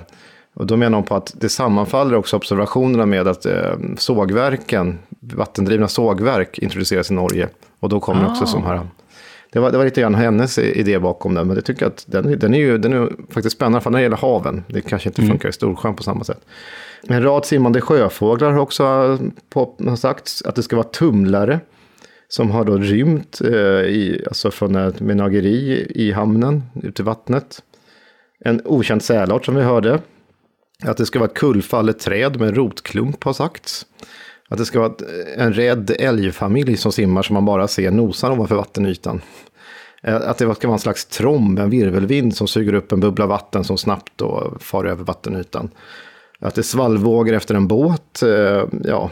Att det ska vara någon slags värmelock, alltså tem temperaturinversion som man menar då. Eller gasbubblor. Så att det, det finns olika förklaringar och också att det ska vara, även på, an, på andra håll, att det ska vara en sån här eh, sjö, vad säger man? Man säger ju inte dinosaurier om det som är vattnet. Eh, Är det utan det? Kan det vara det? Peliosaurier. vattenödlor Ja, jag i alla min- fall från Ja. förhistorisk tid. Ja. Det är så tydligt just när man pratar om sjöodjur, och kanske främst här då storsjöodjuret, att man lägger ner otroligt mycket energi och verksamhet för att hitta en förklaring till det här odjuret och alla de här eh, observationerna som man har gjort. För det, ur, ur en forskares perspektiv, jag liksom menar, du som jobbar med folkloristik, alltså det måste ju vara otroligt spännande att få gå igenom allt det här materialet också. Det är, det är oerhört spännande. Jag jobbar ju på ett annat sätt. Alltså mitt sätt att se det, jag är ju intresserad av berättelserna i sig och vad de kan ha betytt för människor. Så att för mig är ju inte sanningshalten, om man nu ska vara krass, alltså om det verkligen har funnits eller finns ett eh, sjöodjur, inte lika intressant som, att man berätt, som om att man berättar om det. För det tycker jag är det som är intressant, precis som det gäller gårdstomtar eller skogsråd eller någonting annat. Det är ju berättelserna i sig som är intressanta, vad de betyder för människan som berättar och varför man berättar och sådär.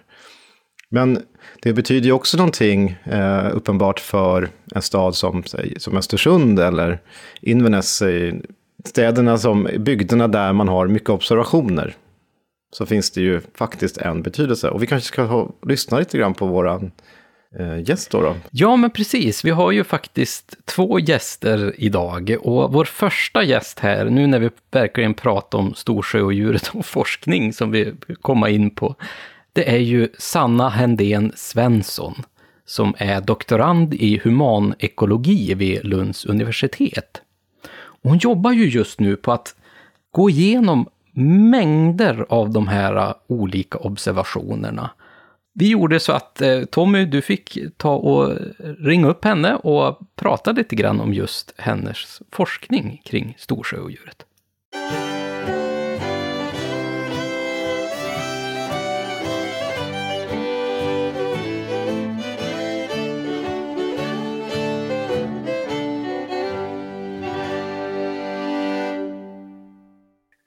Hej så mycket Sanna, jättetrevligt att du kunde vara med i det här avsnittet.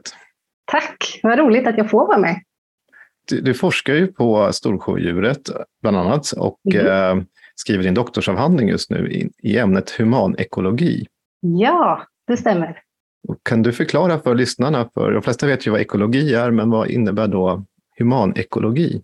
Ja, humanekologi är ett forskningsfält som eh, byggs upp, kan man säga, av perspektiven eh, individ, samhälle, natur, miljö. Och när de så att säga möts och överlappar varandra, då får man, eh, och tid, även historiska studier, då får man ett forskningsfält där man kan börja se hur människans föreställningar om naturen och miljön påverkar hur vi som samhälle eh, organiserar oss kring de här föreställningarna och tankarna och vad de får för konsekvenser för naturen. Så det är eh, konsekvenser, föreställningar om och förhållanden mellan individ, samhälle, natur över tid. Eh, och det är alltså inte en egen ämnesdisciplin utan ett forskningsfält, tvärvetenskapligt mm. forskningsfält. Mm. Hur kom det sig att du valde just storsjödjuret ifrån det perspektivet? Eh, jag började egentligen på något annat. Eh, men kände allt mer när jag gjorde besök uppe i Jämtland, för det var centrerat i Jämtland, det projektet också, att det fanns intressanta, spännande saker med storsjödjuret som, som jag tyckte om att fundera på. Och eh, då tänkte jag att vi byter ämne helt enkelt. Vi, vi börjar om från början, eller jag börjar om från början och ser vart det här tar mig. Så enkelt är det. Ja. Jag ser ju själv att när man har varit i Östersund att storsjödjuret syns ju lite här och där i stan, eller runt om stan, kanske snarare, mm. inte minst runt Storsjön. Då, då. Är det något särskilt som du tänker på som man, man särskilt har lyft i Östersund för, alltså som visar att Storsjödjuret är en del av identiteten för Östersund? Det är väl precis det du säger, att om man kommer körandes, det är kanske framförallt upp mot Östersund, men egentligen hela Storsjöbygden, så börjar storsjödjuret dyka upp ganska tidigt längs med vägen. Det är skyltat på observationsplatser, det är skyltat på, mot eh, besökscentra, eller Svenstavik, där eh, center i Svenstavik. Man ser att det här är någonting som engagerar hela Storsjöbygden. Och det är såklart en turistisk eh, faktor i det här, att man vill locka människor till sin plats för att kunna berätta om den, inte bara om Storsjöodjuret utan om hela Jämtland och Östersund och Frösön och Storsjön. Och jag tror att det ger också en, en historisk dimension till turismen i det här området. Som ju också handlar väldigt mycket om sport och skidor och, och sådär. Vad jag tycker att människor säger till mig när jag frågar dem om storsjöodjuret är att det också handlar om att bevara en idé om Jämtland som väldigt speciell plats. Man har sitt storsjöodjur och storsjöodjuret visar sig för vissa utvalda och det, det, det gör Jämtland lite speciellt. Det är ju intressant det du säger också. Jag tänker, nu är jag tillbaka till Östersund just, men mm. de flesta observationerna, vad man har sett på, fall på sådana här, de har försökt vart, de, vart den har visat sig, så är det ju nära Östersund just. Mm. Så de flesta observationerna har skett. Mm. Det har naturligtvis att göra med att det är fler människor i Östersund än andra platser runt Storsjön. Men många av, av eh, observationerna från 1800-talet sker ju vid strandkanten på andra ställen runt om Storsjön. Historien kring Storsjöodjuret är väldigt centrerad till Frösön också och Frösön har ju idag en väldigt naturlig knutpunkt mot Östersund med bron och tidigare färjetrafik och sådär. Storsjöodjuret har ju liksom, alltså som symbol, det har ju blivit en konstnär som gjorde den här Eh, statyn på Storsjödjuret som ju också står i stranden, eller vid hamnen nere i, eller stranden blir väl i Östersund. Och sen mm. har du ju också de här barnböckerna om det lilla Storsjödjuret Birger. Mm. Som jag har förstått det har väl blivit någon slags maskot i vissa sammanhang, inte minst med vinter-VM och sådär för eh, Östersund. Mm. Det finns ju en, en väldig glädje i, i sin, sin Birger, men det finns ju också de som vill skilja Storsjöodjuret från Birger därför att man vill bevara en annan slags historia och tyngd i Storsjöodjuret som just kryptid, som, som någonting som inte ska skämtas bort. Eh, samtidigt, och det här återkommer ständigt när man pratar om Storsjöodjuret, det är alltid ett både och, ett samtidigt som. Så samtidigt som det finns de som vill att Birger ska bli större och, och få mer plats och vara en maskot för, för Storsjöodjuret. Finns det också en grupp som säger att nej, Birger är Birger, Storsjöodjuret, Storsjöodjuret. Det har ju uppförts ett eh, Storsjöodjurscenter mm. i Storsjön. Och det finns väl, jag har förstått det, som du nämnde tidigare också, observationsplatser runt om sjön också. Är det som, nu har jag inte varit på någon sån själv, men är det som fågeltorn man har observerat ifrån? Eller? Om vi, om vi börjar med, med eh, storsjödjursobservationsplatserna så skapades de i samband med ett EU-projekt på slutet av 90-talet, början av 2000, där kommunerna runt Storsjön gick samman och eh, försökte, hur, hur, hur kan vi använda Storsjödjuret, hur kan vi lyfta vår bygd och göra den eh, tillgänglig och intressant och, och få människor att få upptäcka vår vackra natur och våra, alla våra ställen vi har att erbjuda här. Um, och då skapades de här observationsplatserna i en i varje kommun runt Storsjön.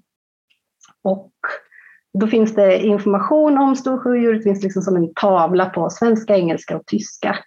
Och sen så finns det ofta något konstverk, ofta är de eh, smyckade med någon, någon liten rabatt eller en, eh, det finns en parkbänk, man kan sitta och fika. Och det är ofta ganska natursköna platser också, eller på annat sätt intressanta platser så att man kan njuta en stund och drömma sig bort kanske lite, mm. fantisera lite. Mm.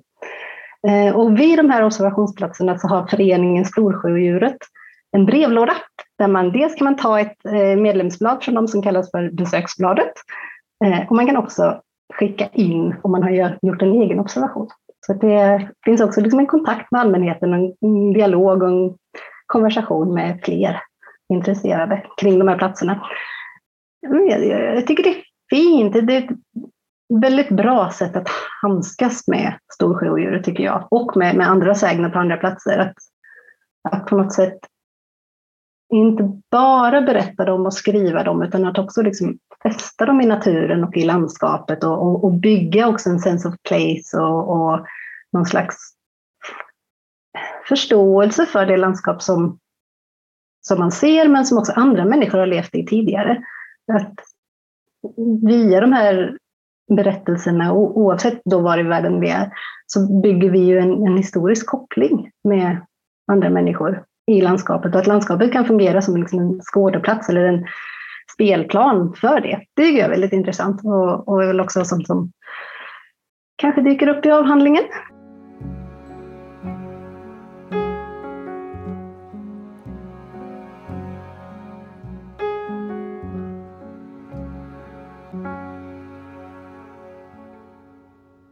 Någonting som är intressant, eh, och det här vet jag att vi pratade lite grann om på e-post tidigare. Mm. Att, eh, det här, eh, när man skulle starta det här bolaget som slutet av 1800-talet som skulle jaga storsjödjuret i naturvetenskapens namn får man väl säga då. då. Mm. Och att det sägs ju ofta att det fick kungligt stöd av kung Oscar den andra. Men mm. det är ingenting som, det är någonting som du har Ja, här får jag nästan vända mig till lyssnarna. Om det är mm. någon som har en, en eh, originalkälla på den uppgiften så skulle man ju verkligen göra mig överlycklig. Nej, jag har inte hittat eh, någon originalkälla på det. Eh, försökt, både vad det gäller dagstidningar från tiden och olika arkiv och så, men jag hittar referensen att det har hänt, men inte källan på det. Det är mm. superspännande. Det, det är inte sagt att det inte har hänt, men alltså att om det, har hänt, om det inte har hänt och man fortfarande har den här berättelsen, då har man ju byggt ett narrativ som ska styrka själva bolaget mm. på sätt och vis. Att man då mm. har valt ut Oscar II då som en person som, man kan som är tänkbar och kan stödja något sånt här. Mm. Vilket jag tycker i och för sig är väldigt, väldigt intressant, för det är inte den enda gången man har hört om liknande typer av berättelser som byggs på. Nej, precis. Och, och, och, kungligheter och andra celebriteter, de, de får ju ofta den rollen i i våra narrativ. Att stärka upp som du säger och, och, och de uppgifterna de fungerar liksom både i det narrativet som byggs kring kungligheten eller, eller celebriteten och kring det som de sägs ha bidragit med eller varit inblandade i. Att det är liksom två narrativ som är igång samtidigt på något sätt. Mm. Men vad jag har förstått så Oscar II, han, han var generös med bidrag och, och stöttade både kultur och, och, och företag och, och institutioner och sådär. Så, så det är inte otroligt. Men jag har inte hittat just exakt det kvittot eller vad man ska säga. Nej. Nej. Men det är det som är så fascinerande, att den har fängslat människans eh, fantasi kan man väl säga. Eh, och människor har, säger sig, sett eh, mycket olika ting runt Storsjön, på land också och i vattnet, mm. som ju då sägs vara Storsjödjuret. Och du måste ha träffat många människor i samband med din forskning nu som har, eh, har berättelser av det här slaget. Nu behöver du såklart inte namnge några, men är det någonting generellt du kan tänka på? Man är stolt över detta antar jag från, från, från bygden. Ja, det är man verkligen. De jag har intervjuat, eh, om, om jag ska leta efter likheter i deras berättelser, så dels så finns det en kunskap om naturen som är väldigt tydligt i bruk när man gör sin tolkning. En del talar högt eh, nästan med sig själva att det är ju inte en båt och eh, det där stenkumlet ser ju inte ut så och de har inte börjat med det där projektet ännu. Och de liksom går igenom hela sin kunskap och landar i att det finns ingenting som de känner till förutom en sak, storsjöodjuret. Mm. Och att man blir, många, många har, har blivit rädda när de ser det. Att det är Oavsett om man blir rädd eller inte så är det en stark upplevelse. Det är ingenting som sveper förbi och sen dricker man kaffe, utan det är någonting som sätter sig djupt. Och de, de berättar också om att de i efterhand gärna vill se det igen. In, in, alla vill inte uppleva det på det dramatiska sätt som de kanske har gjort första gången, men många vill se det igen. Många vill få veta vad det är.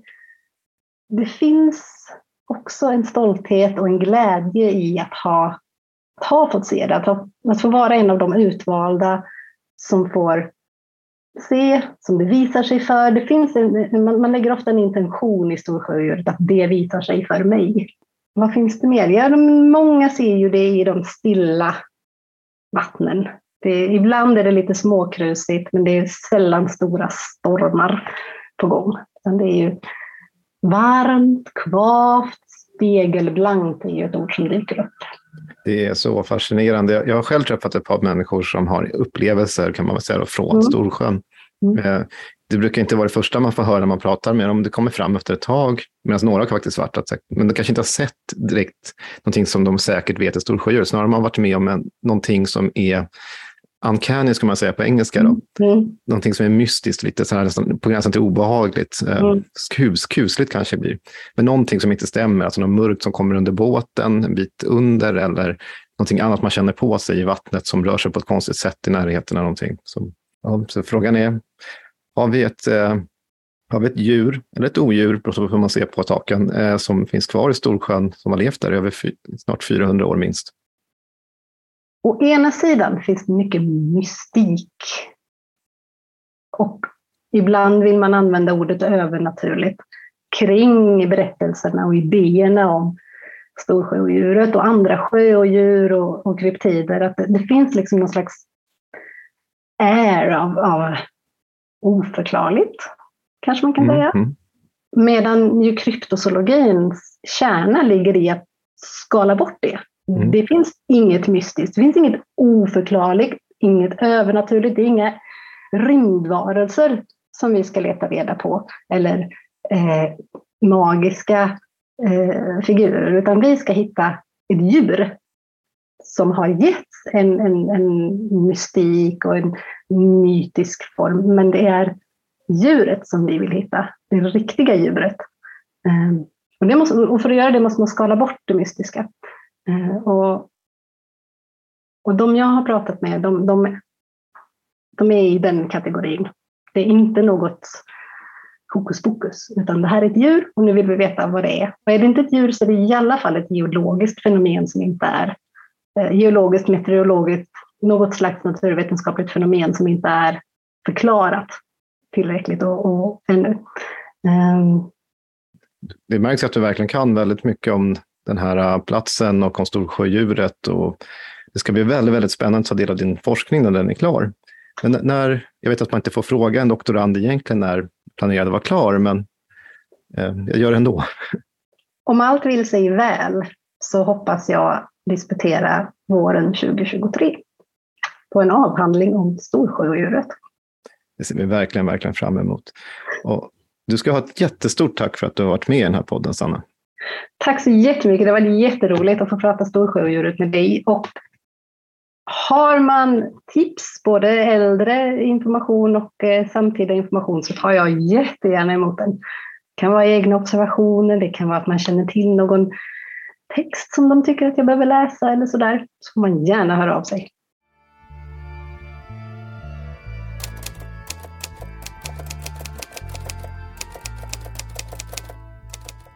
Odjuret var säkert tre meter långt och grått som en elefant med slätt och hårt skinn.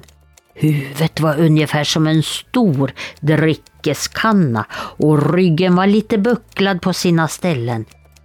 I det hiskeligt breda gapet där gick tungan upp och ner på ett hotfullt sätt och ögonen rullade som sagt och öronen var så stora och utstående. En stjärt med våldsam styrka tycktes det ha.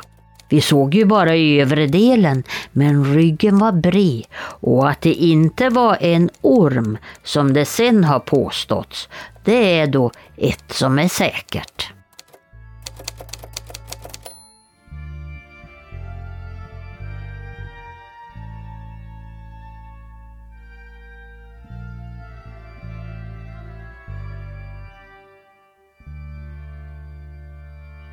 Ja, vi får först och främst tacka Sanna här för den här underbara intervjun. Det är så härligt att få höra eh, just nutidsforskning kring storsjöodjuret. Och just här då i den här berättelsen som Eva läste upp här, det var ju då Anna Ram som berättade om sin observation här, sitt möte med den här storsjöodjuret. Och jag, jag skrattar lite grann här, det, det var så roligt när hon sa där att det var det, här sjöodjuret eh, hade eh, ryckte liksom upp och ner med tungan där på ett hotfullt sätt. Mm. Det hade jag gärna velat se. Jag, jag, vet inte riktigt hur det ser ut. Men det här, i den här berättelsen så var det ju också väldigt mycket specifika beskrivningar kring odjurets utseende. Ja. Mycket här, det stor som en elefant och, och grå som en elefant var det. Eh, och det här hårda liksom eh, eh, släta skinnet och så här.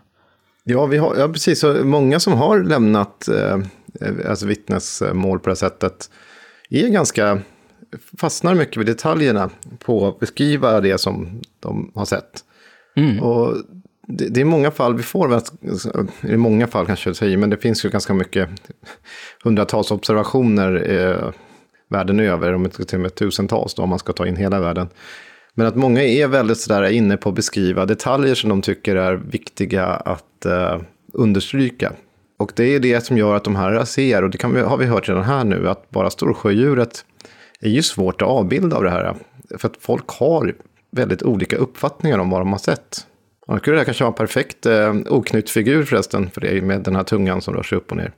ja, precis. Den här var från 1947 kanske vi ska säga, eh, också den här berättelsen. Ja, nej men exakt. Eh, jag kanske ska ta och göra en tolkning på storsjöodjuret, eh, så får vi se hur, hur den kan se ut. Ja, nej men det... Mm. Hästhuvud har vi, vi har katthuvud. Ja, nej men det finns väldigt många intressanta beskrivningar kring det här odjuret. Men vi har ju pratat om att han kan vara liksom i närheten av vattnet. Oftast är ju de här mm. observationerna kring kring vattnet och kan vara liksom lite på land men sen då försvinner den ner i Storsjön. Är det oftast just vid vattnet som det är de här observationerna? Ja, det är oftast vid, alltså inte ute på det djupa mitt på sjöarna utan det är oftast vid alltså nära land eller vikar eller sådär som de flesta observationer har gjorts. Men det finns några, några undantag såklart, att personer som har varit kanske långt ut med en båt eh, erfar eller märker någonting eller ser någonting som de beskriver. Det finns ju en till berättelse som vi kanske ska höra nu innan vi börjar sakteligen lämna Storsjödjuret. Men det är ju eh, en berättelse som lämnades av en Karina Jonsson år 1983 i augusti i Brunfloviken. Då.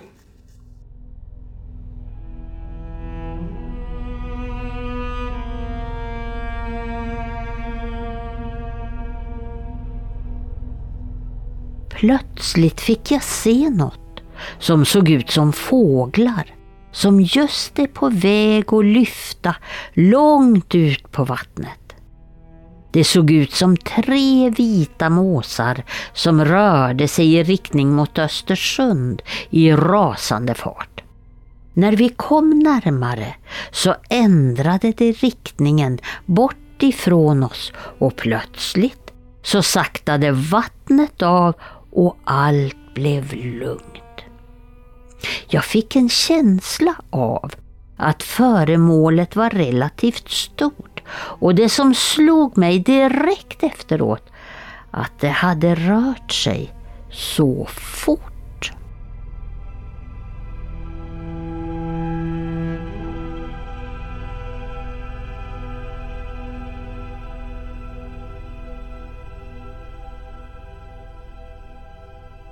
Det här var ju som du säger från 83. Vi har ju fått tidigare höra väldigt äh, äh, gamla, ska man väl ändå kanske säga, för många av de här som vi har hört har ju varit liksom från förra sekelskiftet, 18-1900-tal. Men här är ju 1980-tal redan. Och det är ju ganska nära i tid relativt. Men finns det många sådana här nyare observationer kring storsjöodjuret? Det finns fortfarande personer som, har, som ser storsjödjuret och det finns fortfarande tidningar som skriver om det. Nu för tiden finns det även YouTube-klipp eh, där folk har lagt ut eh, vad de menar sig ha varit en snabbfilmning av storsjödjuret. Eller ett annat om man är någon annanstans i, i världen. Motsvarande sjöodjur. Det är ändå anmärkningsvärt att i vår tid, framförallt på 2000-talet nu, så är det väldigt få som eh, som fotograferar eller filmar dem ändå. Ja, vi går ju ändå med en kamera i hand i stort sett varenda dag i och med att vi har mobilerna med oss. Ja, om man inte kanske är verksam just på, eller i och för sig även då, om man är ute på vatten så har man ju alltid en mobil med sig för att ringa. Mm. Men å andra sidan så är oftast, i alla fall i äldre tid när man sett dem så är det ju situationer, även om kameran kanske är tillgängligt till annat, så är det ju ingenting man alltid kanske bär på sig, för de kommer ju oftast i oanade man är inte turist på Loch Ness som jag var, som kameran i hand och är beredd att fotografera minsta lilla avvikelse på vattnet, utan det sker liksom helt plötsligt. Och det kan mm. gå ganska fort i en del fall. Och kanske en del känner sig så överrumplade så att de inte eh, tar sig för att ta upp en mobil exempelvis. Om man nu har en mobil med sig. Nej men verkligen. Och eh, jag kan ju bara dra till en parallell som skedde mig häromdagen. Jag fick se en björn eh, när jag åkte hemifrån stugan. Och då satt jag i bilen och det går ju under liksom tre, fyra sekunder att man ser björnen, björnen sticker in i skogen. På den tiden hinner man ju inte dra upp någon telefon och börja fota liksom. Eh, speciellt om man sitter och kör bil dessutom. Så att det är ju inte alls omöjligt att det är svårt att hinna fota en sån här, ett sånt här möte med ett sjödjur heller, som, ja, men som vi har hört också sticker iväg ner i vattnet ganska snabbt. Eh, mm. Så det är inte alls konstigt. Du är säker på att du inte såg dig själv i backspegeln då, i fyra sekunder? ja, det kan, ja, det var ju något stort och hårigt liksom. jag, jag, jag tror att det var en björn i alla fall.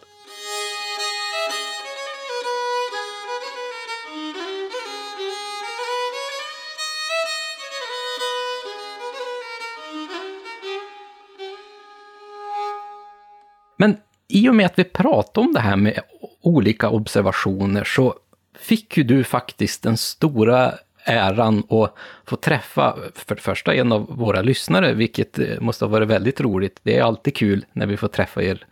Men det här är ju en väldigt speciell gäst som faktiskt har fått mött och sett det här storsjöodjuret. Ja, då hälsar jag dig välkommen till podden, Anna. Du är ju i Östersund och eh, du har ju sett storsjöodjuret. Du har ju en egen observation som du kanske vill dela med dig av. Ja, nu var inte jag så gammal när det där hände, men jag insåg jag också att skulle jag ha talat om det då så skulle ju folk ha tyckt att man var lite konstig, för det tycker de fortfarande att man är. Men när jag var runt 8-10 år så var jag nere i Birka heter det. det Birka folkhögskola ligger där nedanför Ås. Och eh, för att göra en lång historia kort. Jag var där nere med ett gäng damer som höll på att växtfärga. Jag tyckte inte det var så himla roligt. Så jag knallar en bit bort ut efter stranden. Och eh, plötsligt så ser jag någonting som ligger där ute i vattnet. Något stort, svart, fjälligt. Och den rör sig liksom inte. Den ser ut som en... Jag vet inte, det ser ut som den ligger och solar för det var väldigt fint väder. Så den ligger där ute, en bit ut i vattnet. Och jag står på stranden och vet inte riktigt vad jag ska tro. Men eh, plötsligt så försvinner den här ormen, eh, varelsen, vad det nu var för någonting. Och jag inser att det är storsjödjuret. Men är man 8-10 år så vill man nog inte springa och tala om för mamma det första man gör att storsjödjuret är där ute. Speciellt inte när man har andra barn omkring sig som kanske inte tror på storsjödjuret. Så jag sa aldrig någonting om det där. Vad spännande, det låter ju fantastiskt. Och vi pratade i det här programmet också om en forskare som har pratat med många människor som har haft liknande upplevelser som du har haft. Och de, många tänker sig också att man blir utvald av storsjödjur, nästan att, det, att den visar sig för vissa personer bara. Så att, då får man ju se det som att du har blivit utvald i det läget. Ja, sen får man hoppas att barnen blir utvalda de också, för jag tyckte att det där var ganska kul. Ja, men tack så jättemycket för din berättelse. Tack!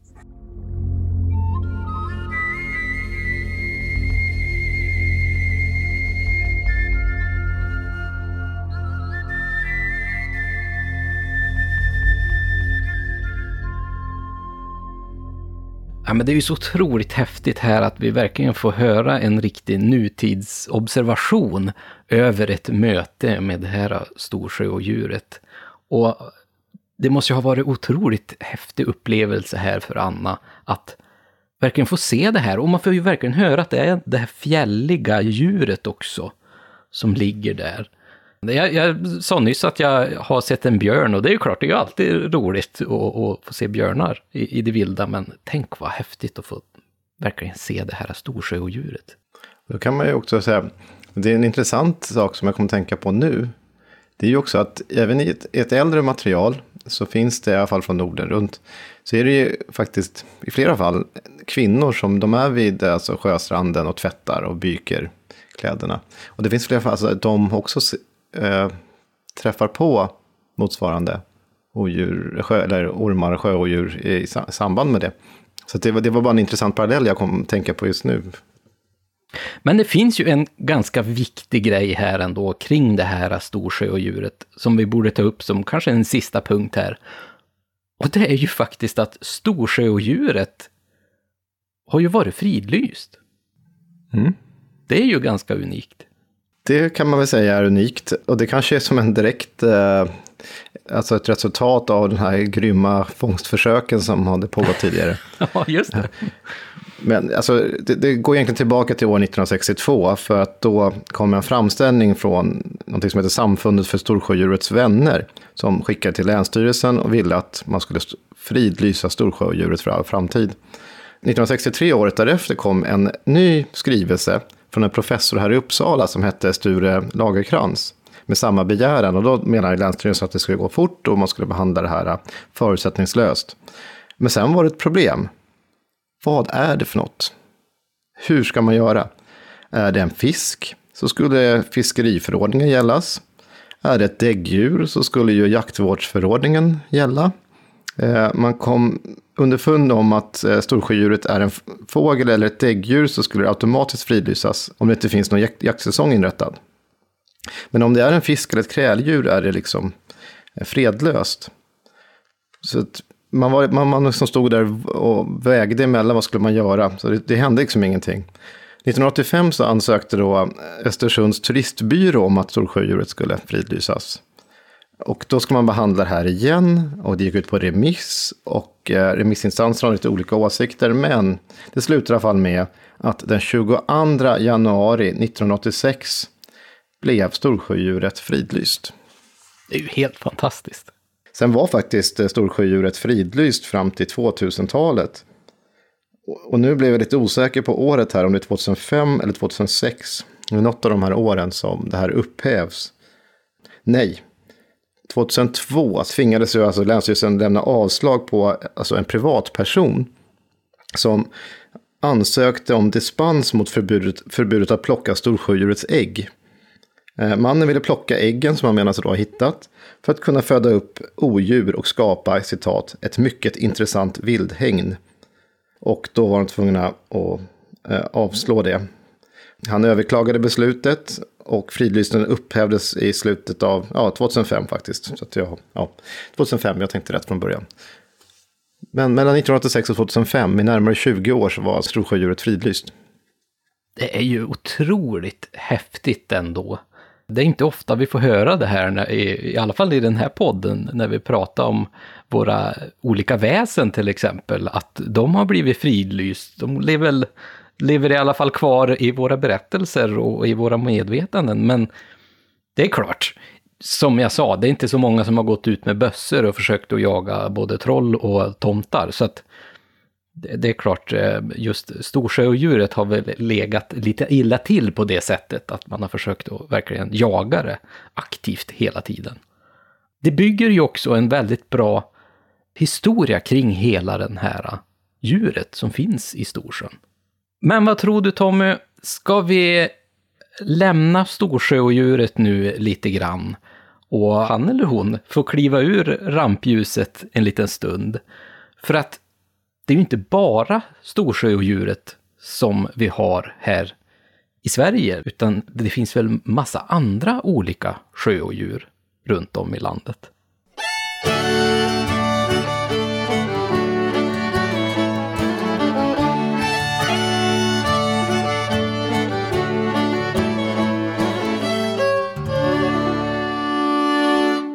Ja, men det finns ju massor av så olika så, så kallade sjöodjur. Eh, jag skulle nästan säga att det finns nästan något ifrån varenda landskap i Sverige. Nere från Skåne upp till liksom Lappland och Norrbotten. I Jämtland finns det ju flera andra än storsjöodjuret exempelvis. Eh, jag kan nämna kallsjöodjuret i Kallsjön. Så finns det Ivesjön i Skåne. I, I Halland finns det ju också vid eh, Hallands vallgrav. Ska det vara. Eh, Svartsjön i Östergötland och Torneträsk i, i Norrbotten ska också ha Alltså det, det finns mängder sådana här som menar sig ha sett eh, olika odjur. Och en del har blivit kändare än andra. Och en del har liksom bara helt nästan glömts bort. Men absolut att det finns många olika djur runt om i landet. Under en rundtur i Hälsingland så rastade jag vid sjöstranden och fick då se något som har förundrat mig mycket. Någonting som liknade ett djur stack då och då upp huvudet. Ibland såg jag delar av kroppen som verkade vara flera meter lång. Djuret dök och kom upp igen flera gånger.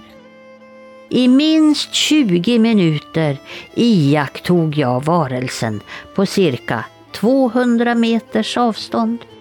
Plötsligt kom jag ihåg kameran. Jag ryckte fram den och lyckades ta några bilder innan djuret försvann. Jag hade en helt vanlig kamera utan teleobjektiv. Här hade vi ju en berättelse om just Grytti ifrån sjön Grytjen i Hälsingland.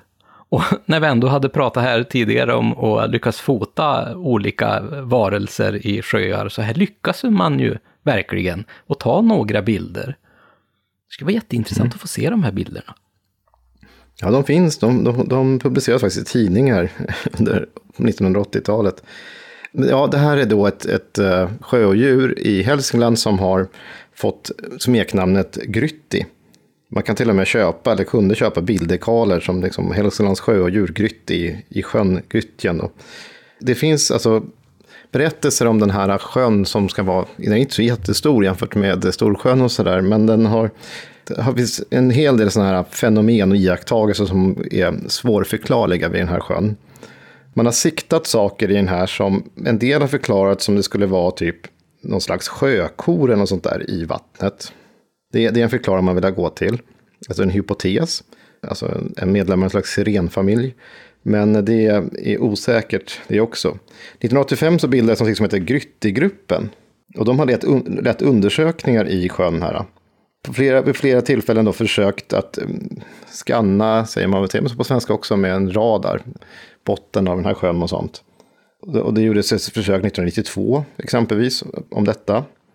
Man har köpt in en avancerad undervattenskamera som ska kunna fjärrstyras runt om i vattnet. Men man har liksom inte hittat det här då, får man säga, odjuret i Grytti. Det, även här så känner man ju att man vill dra lite paralleller både till de här berättelserna om både Nessie och Storsjöodjuret. Att man verkligen vill ta reda på vad finns här nere i sjön för någonting. Jag har fått se det här, jag vill se, var det verkligen det jag såg? Och det, det, tycker jag är väldigt speciellt när det gäller de här. Oftast pratar man ju om att det är liksom en form av orm eller ett sjö, en sjöorm eller något sånt här. Men är det alltid att det är ormar som är liksom det här sjöodjuret? Nej, det, det behöver det inte vara för att vi har ju någonting annat som vi kan gå till ett annat ställe i Sverige, till det gammelnorska landskapet och Bohuslän. Där finns det också någonting. Jag ska, då får jag gå tillbaka till 1700-talet, för även här har vi liksom en äldre berättelse. Mm. Och det, det, är en prästman, som förmodligen var en som heter Gude Gädda, som levde i, pastor i Naverstad 1720 till 1757. Vänta lite Tommy, kommer vi att prata om sjö och djur och en gammal berättelse där det är en präst som heter Gädda? ja, exakt. Exakt, det är så, så enkelt är det. Uh, hans berättelse finns i en bok som heter Bahus läns beskrivning. Mm. Och här, här, finns det då någonting som han beskriver i ett plats som heter Bollarevattnet. Och vi har ju en inläsning av den här tidiga beskrivningen. Mm.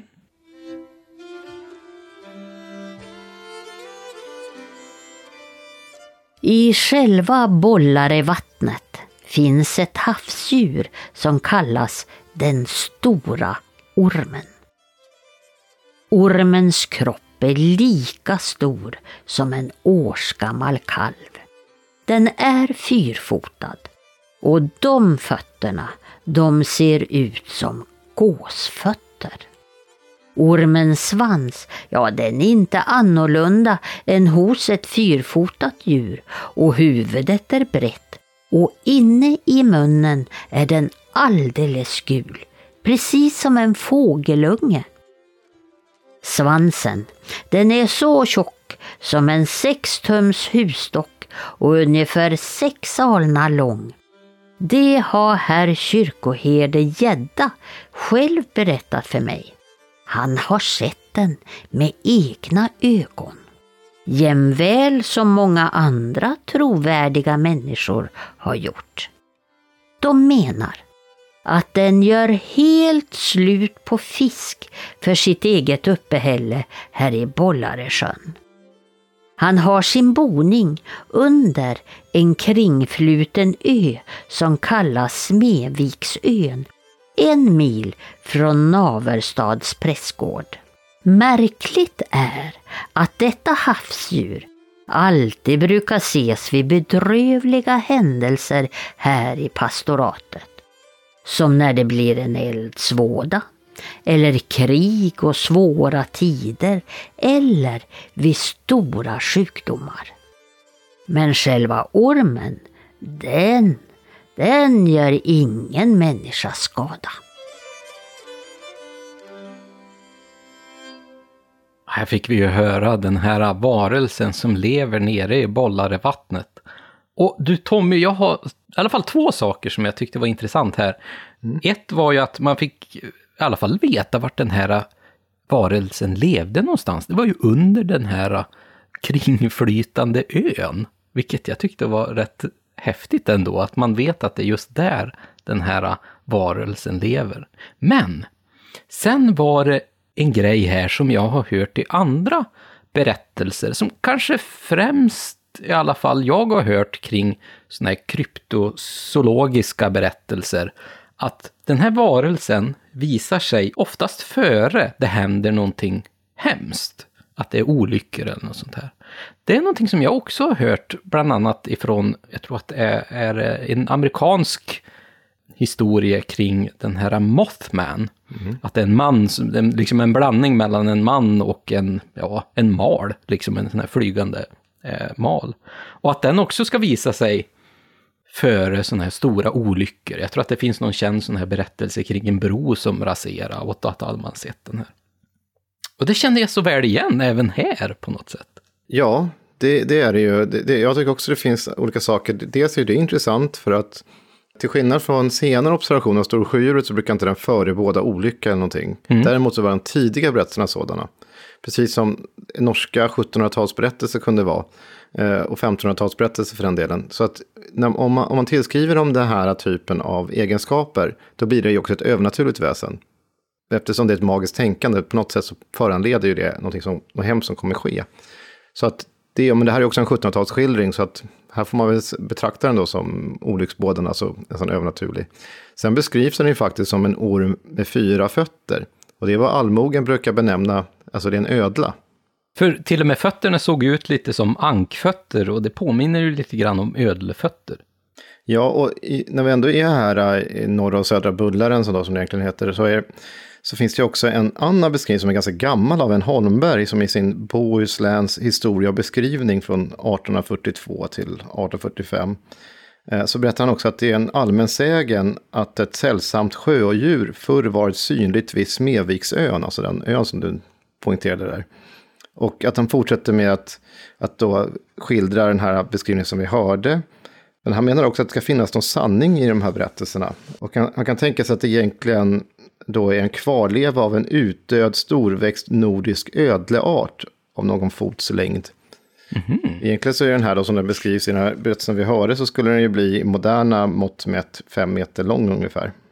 Men här försöker man redan här också då använda sig av ja, naturvetenskapliga zoologin helt enkelt för att liksom tänka sig att det här är då en riktig art som eh, det här var ju innan kryptozoologi var ett eh, att det, det begreppet fanns liksom. och då, då försökte man ju förklara utifrån det man visste eller inte visste så att, att det i alla fall är någon slags djurart.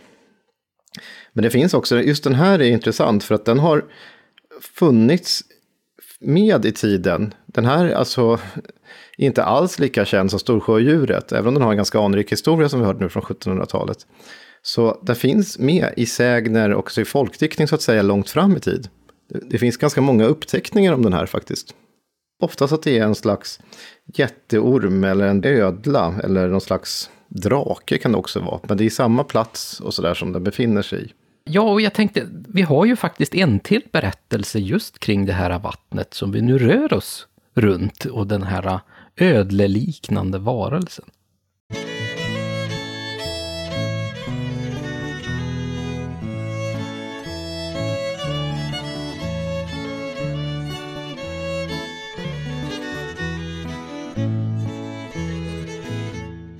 Det är en ödla vid Smeviksön i Bullaren här i Mosocken. Det sägs att när ödlan når runt hela ön, då ska världen förgås. Hon kom från en kärn ovanför Sundshult i Naverstad då hon var liten.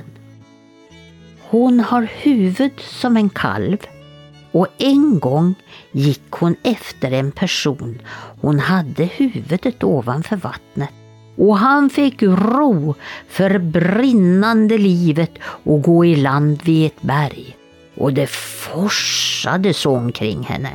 En annan gång så var det två karar som gick på isen och då fattade hon tag kring den enes ben. Den drar mig över, sa han och så åkte han ner. Det är som ett hål där i söder om ön som aldrig fryser till på vintern. Och det är genom det hålet som hon andas.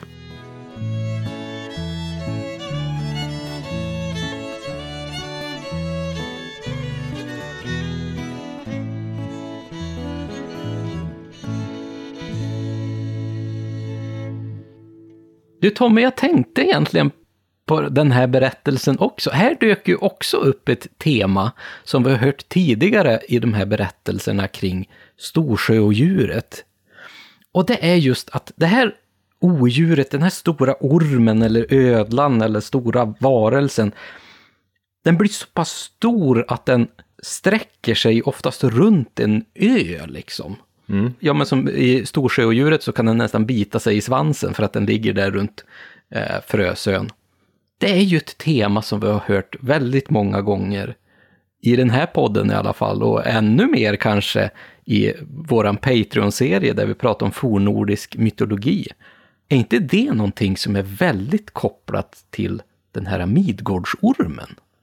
Jo, det är absolut, för det är precis samma motiv som eh, föreligger här. Alltså, det är den här nordbohuslänska sjön så är det egentligen samma typ av väsen kan man säga som igårdsormen eller Jörmungander. Som ligger liksom avvaktande och inväntar så här, den, alltså världens eh, undergång kan man säga, eller förebådar den också när den visar sig.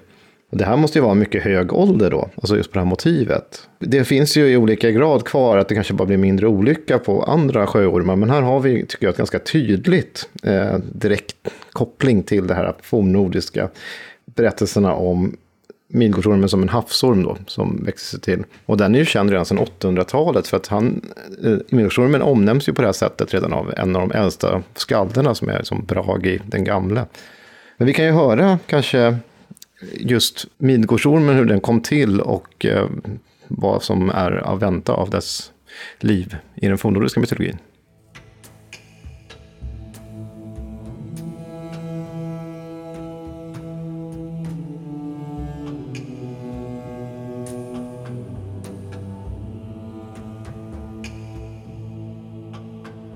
Angerbåda hette en jättinna i Jotunheim. Med henne fick Loke tre barn. Ett var Fenrisulven.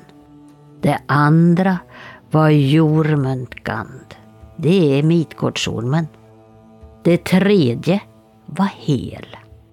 Gudarna fick reda på att de tre syskonen växte upp i Jotunheim och man fick spådomar om att syskonen skulle bli till stor skada och olycka. Alla menade att mycket ont var att vänta, först på grund av mödernet och än värre av fädernet.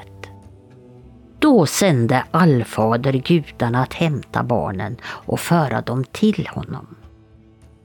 Och när barnen kom till honom, då kastade han ormen i det djupa havet som ligger omkring alla länder. Den ormen växte så att han ligger mitt i havet utanför allt land och han biter sig själv i svansen.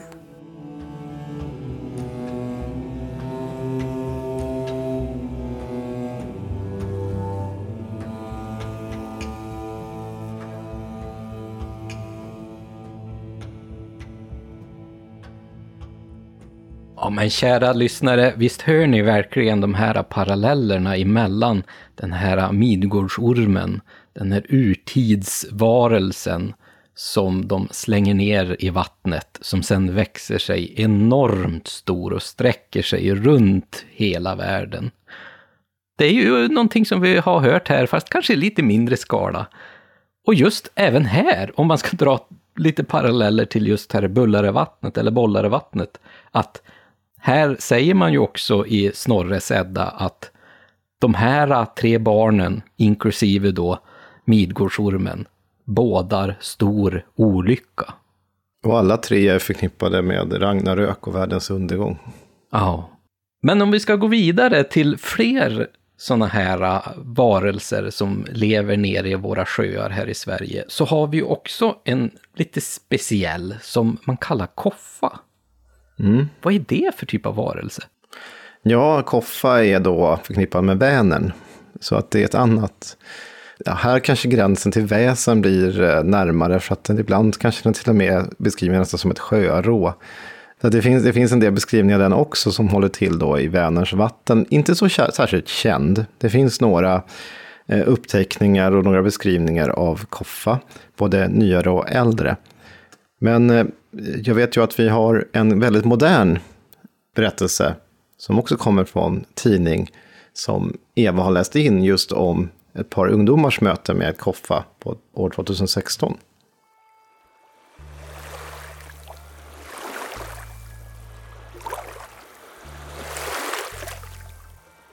Jag var ute med två kompisar i två båtar. Vi skulle ta kort på solnedgången. Det var helt vindstilla. Inga båtar runt oss, inga grund. Så hör vi ett stort plask bakom oss. Vi vänder oss om och bara står där och gapar. Det är som en stor, stor fisk som kommer upp till ytan. Först trodde vi att det var en stock, men sen dök den igen. Fem minuter senare, ja då ser vi den igen. Då åker jag dit och kollar, men den försvinner. Och det är massor av bubblor i vattnet där jag är med båten. Jag blev lite rädd och tänkte att det var som en stor fena som kom upp ur vattnet. En stor fisk eller, eller något. Sen läste jag på en del och tänkte att det enda det kan vara, det är en mal som är så stor. Fast jag vet inte om de finns kvar i Vänern.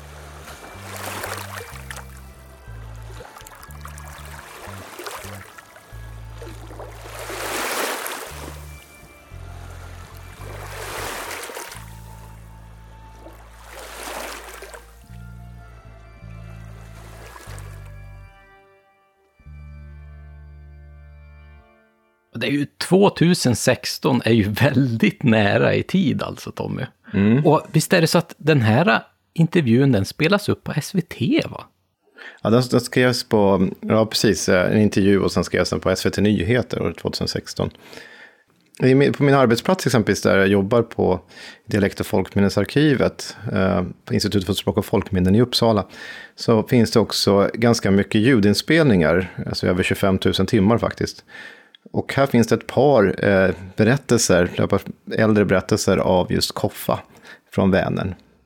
Men jag, men jag sökte mig vidare i skriftlig litteratur, för de kan vi inte spela upp här, eftersom det, vi gör det här privat. Men eh, jag hittade en äldre uppteckning från Bjurkärn i Värmland från 1948. Och det här ska då beskriva ett möte med någonting i en vik i Vänern. Vi kan ju höra på den och så kan vi ju tänka oss att det här kanske är en äldre berättelse av Koffa. Eller så är det någonting helt annat den här personen har mött. Mm.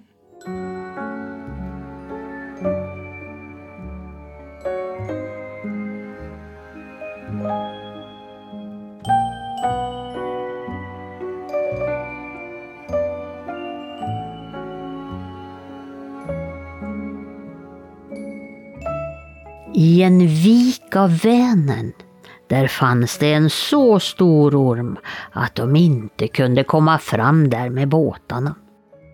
Då satte de ett skarpt järn i fören på en av båtarna för att skära av ormen. Men järnet gick sönder. Då satte de i ett ännu vassare järn och då skar de av honom och hela viken blev full av blod.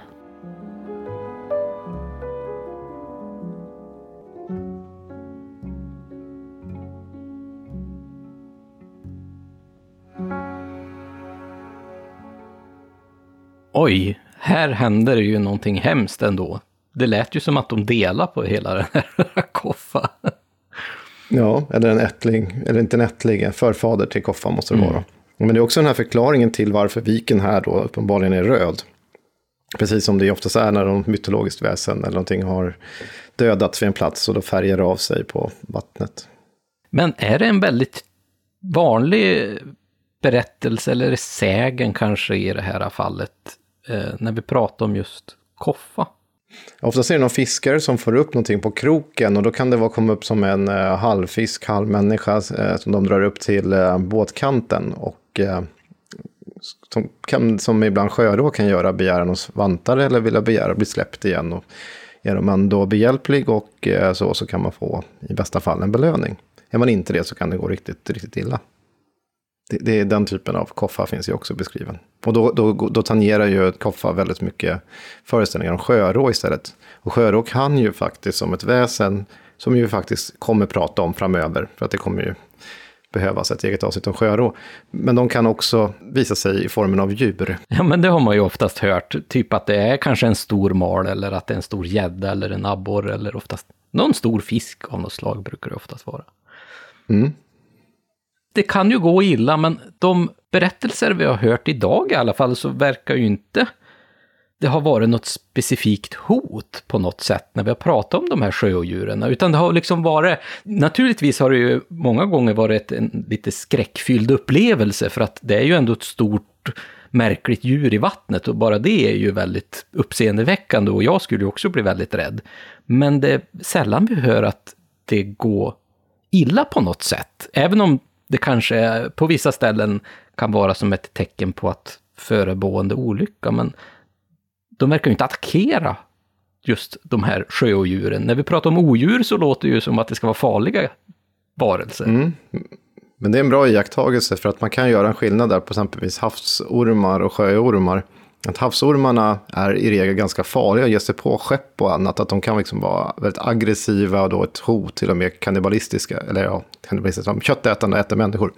Eh, Medan sjöodjuren, även i folktron då, om man går till äldre sägner och sånt där om de här, är ganska...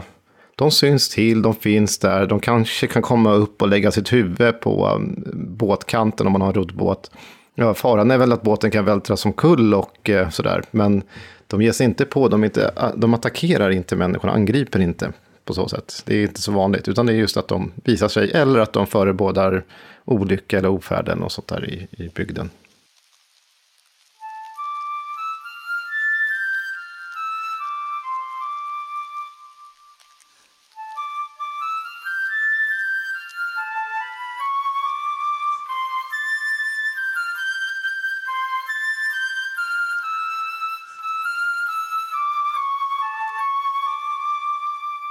Häromdagen skulle jag fara ut på sjön och fick då från stranden se ett mörkt föremål vars synliga längd kan uppskattas till cirka en meter.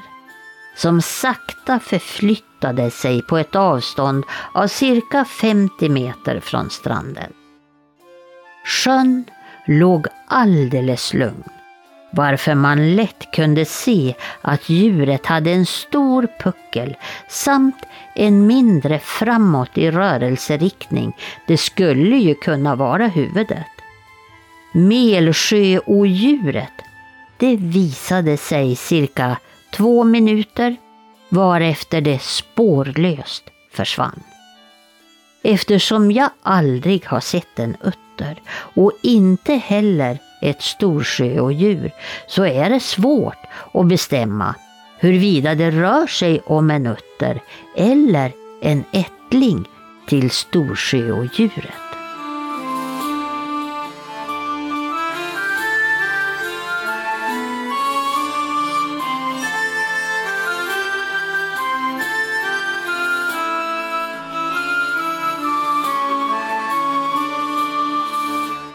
Här hade vi det här Mellsjöodjuret som vi har än en gång traskat oss tillbaka till Jämtland här. Här visste man ju även om Storsjöodjuret och kanske att det här sjöodjuret som är i Mellsjön, att det är en ättling till just Storsjöodjuret. Men du Tommy, när vi nu har tagit oss till norska gränsen igen. Mm. Hur är det i Norge? Där finns väl också en hel del olika sjöodjur? Ja, det finns ganska många faktiskt. Eh, jag ska bara säga en sak, det där med att en ättling, och det där med utter tycker jag också i och för sig är väldigt roligt, för att jag är ju lite grann av en utterfantast, jag älskar uttrar. Och de har också lyft fram flera gånger som en förklaring till, till sjöodjur. Men det finns också en del teorier, som kanske inte är så jättevanliga idag, men att det ska finnas såna underjordiska gångar som förbinder en del av de här eh, sjöarna. Eller att det är ett djur som kan eh, slingra sig eller dra sig emellan dem. Eh, det finns också sådana förklaringar. Inte minst då med sjöormar av olika slag, att de liksom kan ta sig emellan de här. Men visst, i Norge, ja men Norge har ju, har ju flera och den här, eh, den mest berömda idag, inte i äldre tid men idag, är den här säljordsormen. Och där finns det en hel del uppteckningar om. Men det som är intressant där eh, är att den finns alltså i, i sjön Seljord i Norge. Som då förbinder Seljord, Vestfold och Telemark i Norge. Den här då sjöormen har fått namnet Selma i senare tid. Det finns en del berättelser och den pryder dessutom Seljords vapen, alltså som i guldfärg med röd bakgrund. Så den här designades alltså och, och, och syns än idag då som märke för det här området. Den går tillbaka till 1750-talet, alltså sägs det, vittnesmål om Säljordsormen. Vi har ju en annan, betydligt senare, ett vittnesmål om just Säljordsormen här. Vi kanske ska ta och lyssna på den innan vi går in på lite gäddberättelser.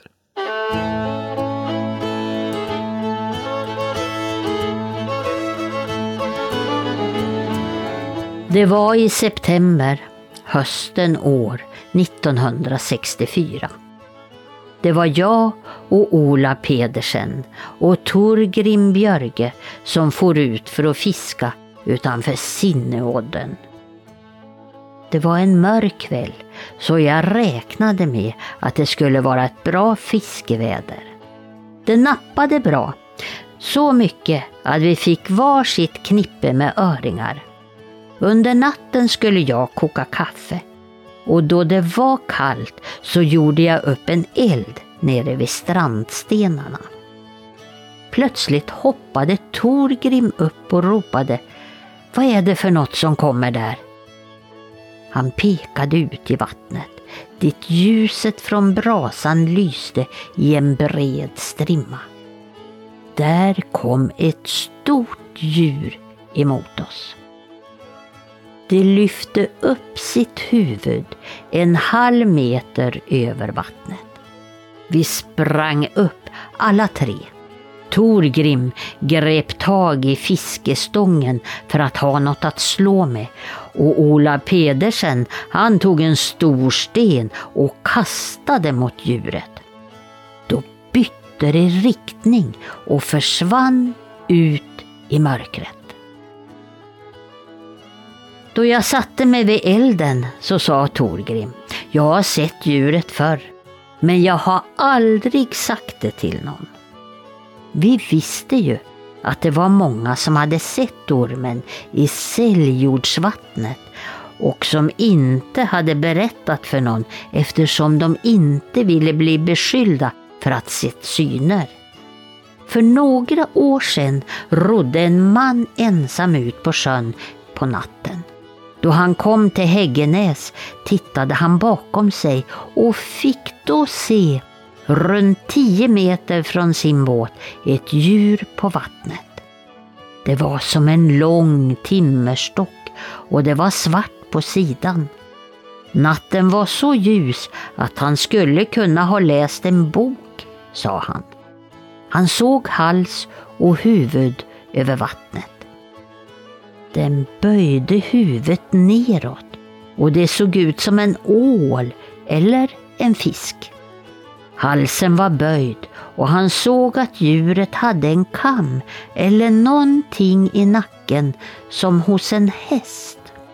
Kroppen var annars under vattnet men bak till kom en del upp och det var som en spole som låg i en ring.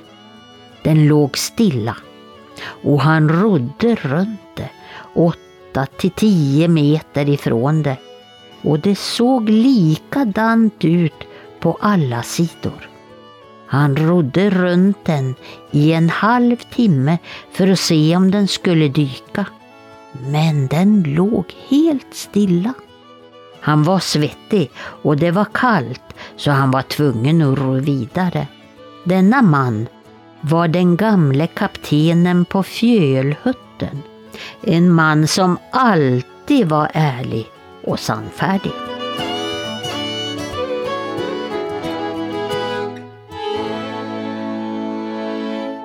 Du ser, här fick vi en väldigt härlig beskrivning av Selma här. Och mycket av de här beskrivningarna påminner ju om de tidigare som vi har hört, att det måste finnas något djur där nere i vattnet. Och det är så, så många sjöar världen över. Jag tänker framförallt på den där Champion i USA som det finns, det är flera hundra observationer av bara den. Men många, alltså också hur de beskrivs, att det ska vara stilla vatten, gärna på sommaren och liksom, det är så mycket som är väldigt likt i alla de här berättelserna. Och det kanske, om man är böjd att tro att de existerar som sådana här, då, då, då stärks väl trovärdigheten kan man väl säga då, om det är så många som har liknande berättelser världen över. Vi kanske ska ta ändå en sista berättelse här. För att nu har vi fått höra om sjöodjur som har i och för sig beskrivits på lite olika sätt, men det har ju oftast varit den här ormen, eller det har varit en, liksom en ödla, eller någon form av urtids eh, dinosaurievarelse. Men vi har ju också den här klassiska, som man kanske inte tänkt på att det är en berättelse om sjöodjur ändå. För alla, eller ja, kanske inte alla, men många som har varit ute och fiskat, många fiskargubbar har väl alltid skrytit om den här jättegäddan som, eh, ja men jag hade den på kroken, men den eh, var ju så stor så att jag fick aldrig upp den. Det är den här gamgäddan som finns där nere i sjön. Vi har ju en väldigt bra historia här som jag tycker vi ändå ska lyfta just när vi pratar om faktiska sjöodjur.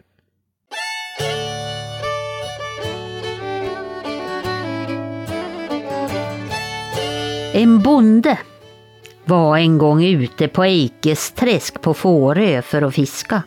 Han var lycklig nog för att snart få se en ofantlig gädda i vattuskorpan. Och han högg just den i gäddan med all sin kraft uti. Men gäddan var så stor och så stark att hon drog båt och kar med sig ett långt stycke tills bonden slutligen måste släppa alltihopa. Han fick inte heller någon annan fisk den dagen, men några dagar därefter så fann bonden sitt göster liggande högt uppe på en ristun uppe i skogen långt från träsket.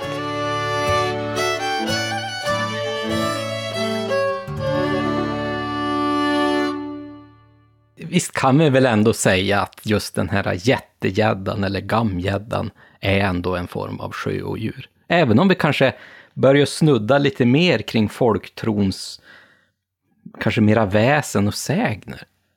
Alltså, så som gammelgäddan eller trollgäddan som det också kan vara beskrivs. I det här fallet kan jag säga att det här är från Gotland och det är Per Arvid Säves eh, upptecknade berättelse. Eh, sägen som han samlat in och det är 1800-tal då. Men så som, som de här berättelserna om gäddor brukar vara. Vi har ju den här, det här skämtet alla brukar säga som fiskare. Att de ska visa hur stor fisken var så håller de fram sina händer och sen så kommer det mellan ögonen. Och då rör det sig om ett riktigt sjödjur. Och en del finns det så mycket, jag var ju själv, jag vet ju, eh, nu minns jag inte vilka sjöar det var där mormor och morfar bodde, men det var ju i Sörmland någonstans.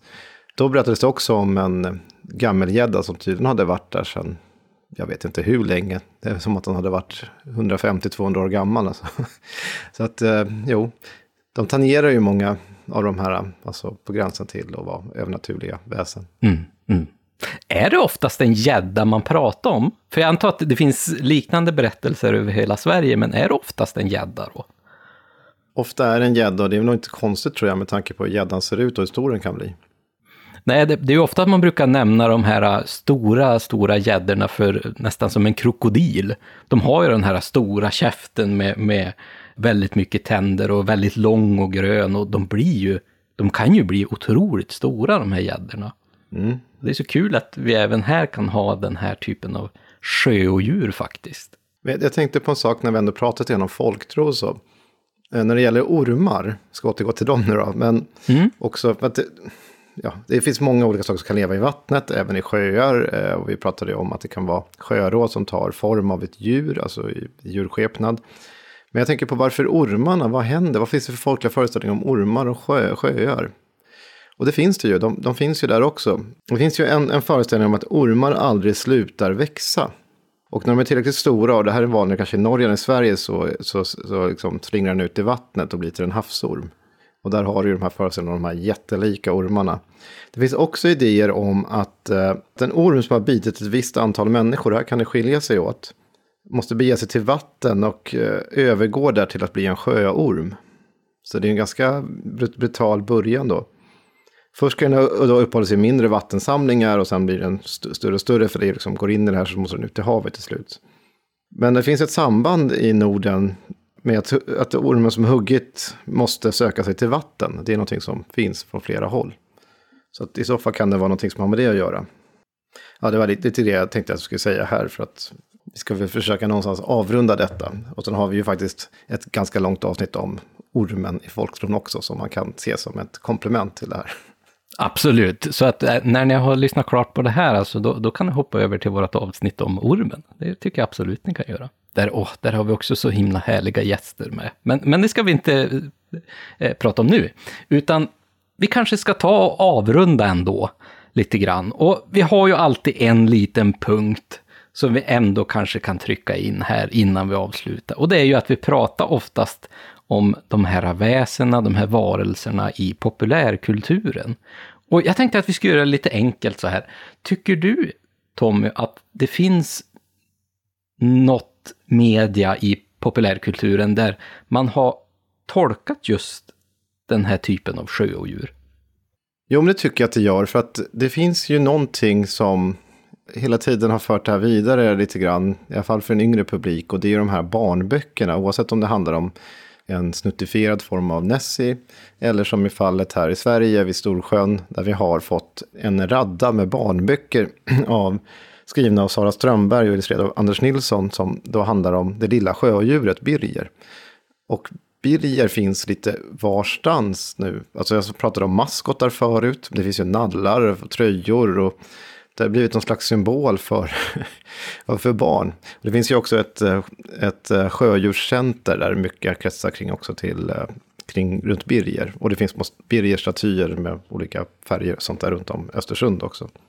Så det skulle jag säga är en ganska viktig detalj. Har, har, du någonting du tänkte på inom populärkulturen och sjöormar som Ja, alltså Tommy, jag tyckte det var jätte, jättesvårt för att det var lite därför jag bollade över liksom, bollen till dig. Sådär. För att jag tyckte det är så svårt, för jag har väl kanske några sådana där, men oftast handlar det om odjuren i haven. Men när man ska hålla oss lite grann mer till sjöar och så här, så finns det väl kanske en. Och det kanske inte är just de sjöodjur som vi har pratat om idag, utan det är ju den här gamla, gamla skräckfilmen eh, The Creature from the Black Lagoon, alltså skräcken i, från den svarta lagunen. Och det är ju eh, den här nästan, eh, jag vet inte vad man ska säga, det är någon fiskliknande människa eh, som, som eh, är med i den filmen. Den tycker jag är lite rolig faktiskt. Men sen är det svårt alltså att, att hitta någon sån där som är riktigt bra. Och jag tycker det här är ju ett sådär perfekt tillfälle att låta er lyssnare. Ni får jättegärna höra av er till oss. Vad tycker ni? Har ni någon bra sån här äh, media i populärkulturen där sjöodjuret kanske har illustrerats på ett bra sätt eller på ett väldigt, väldigt dåligt sätt? Det är alltid roligt att få höra era tankar kring det här. Eller om ni känner till några romaner, någonting som handlar om Storsjödjuret Storsjön.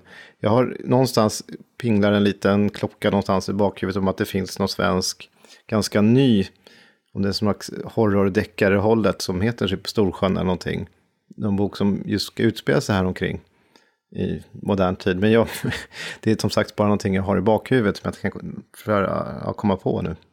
Ja, men det låter bekant faktiskt. Jag undrar om jag läste den nyligen. Men ny lyssnare, hör av er till oss. Det var också en jättebra grej som ni får upplysa oss om.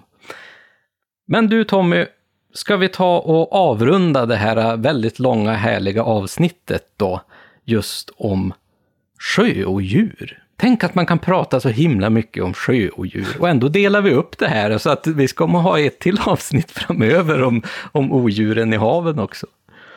Men det är ändå så pass viktigt och det är så trevligt att vi kunde hålla oss ganska mycket kring storsjöodjuret som finns i Jämtland. För det är ju ändå ett av våra mest kända sjöodjur här i Norden. I alla fall här i Sverige.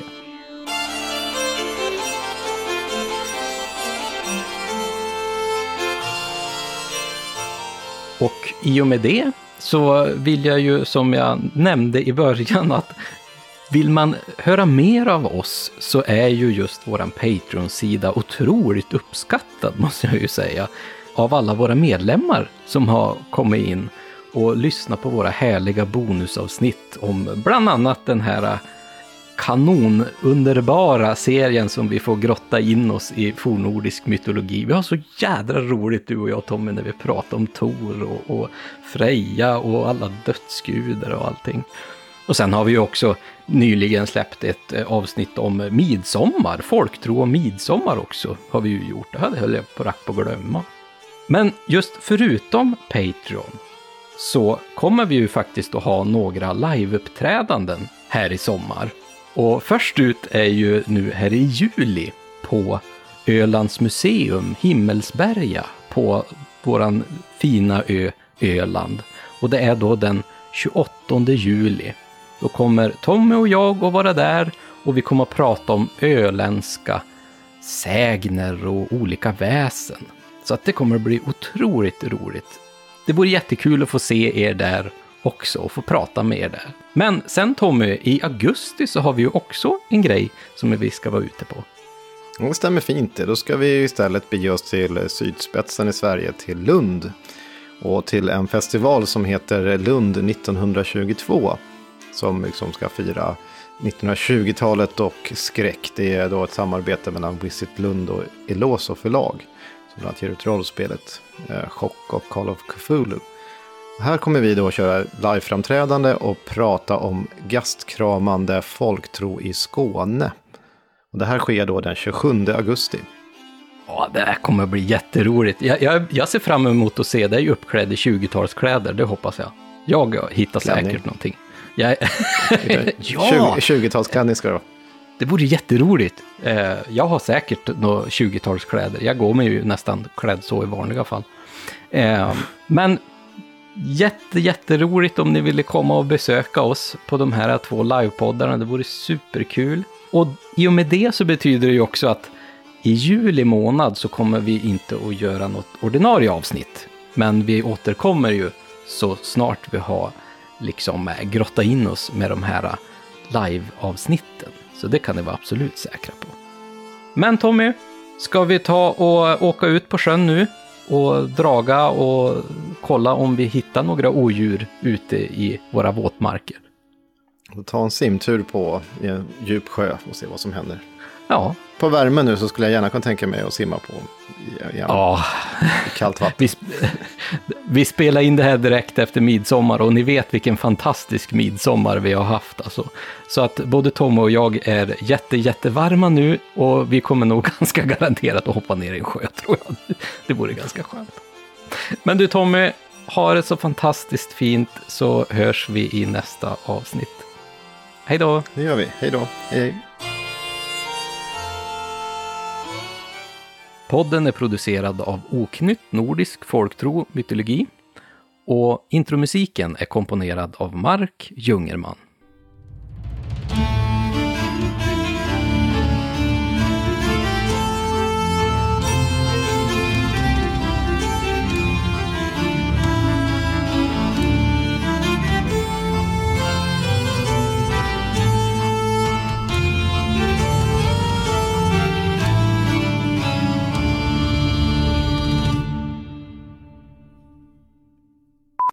På en ristun uppe i skogen långt från träsket. Så var det, Lars. Det var den sista. Och nu har jag nog läst ja, över 40 minuter tror jag. Det här blir ett långt program.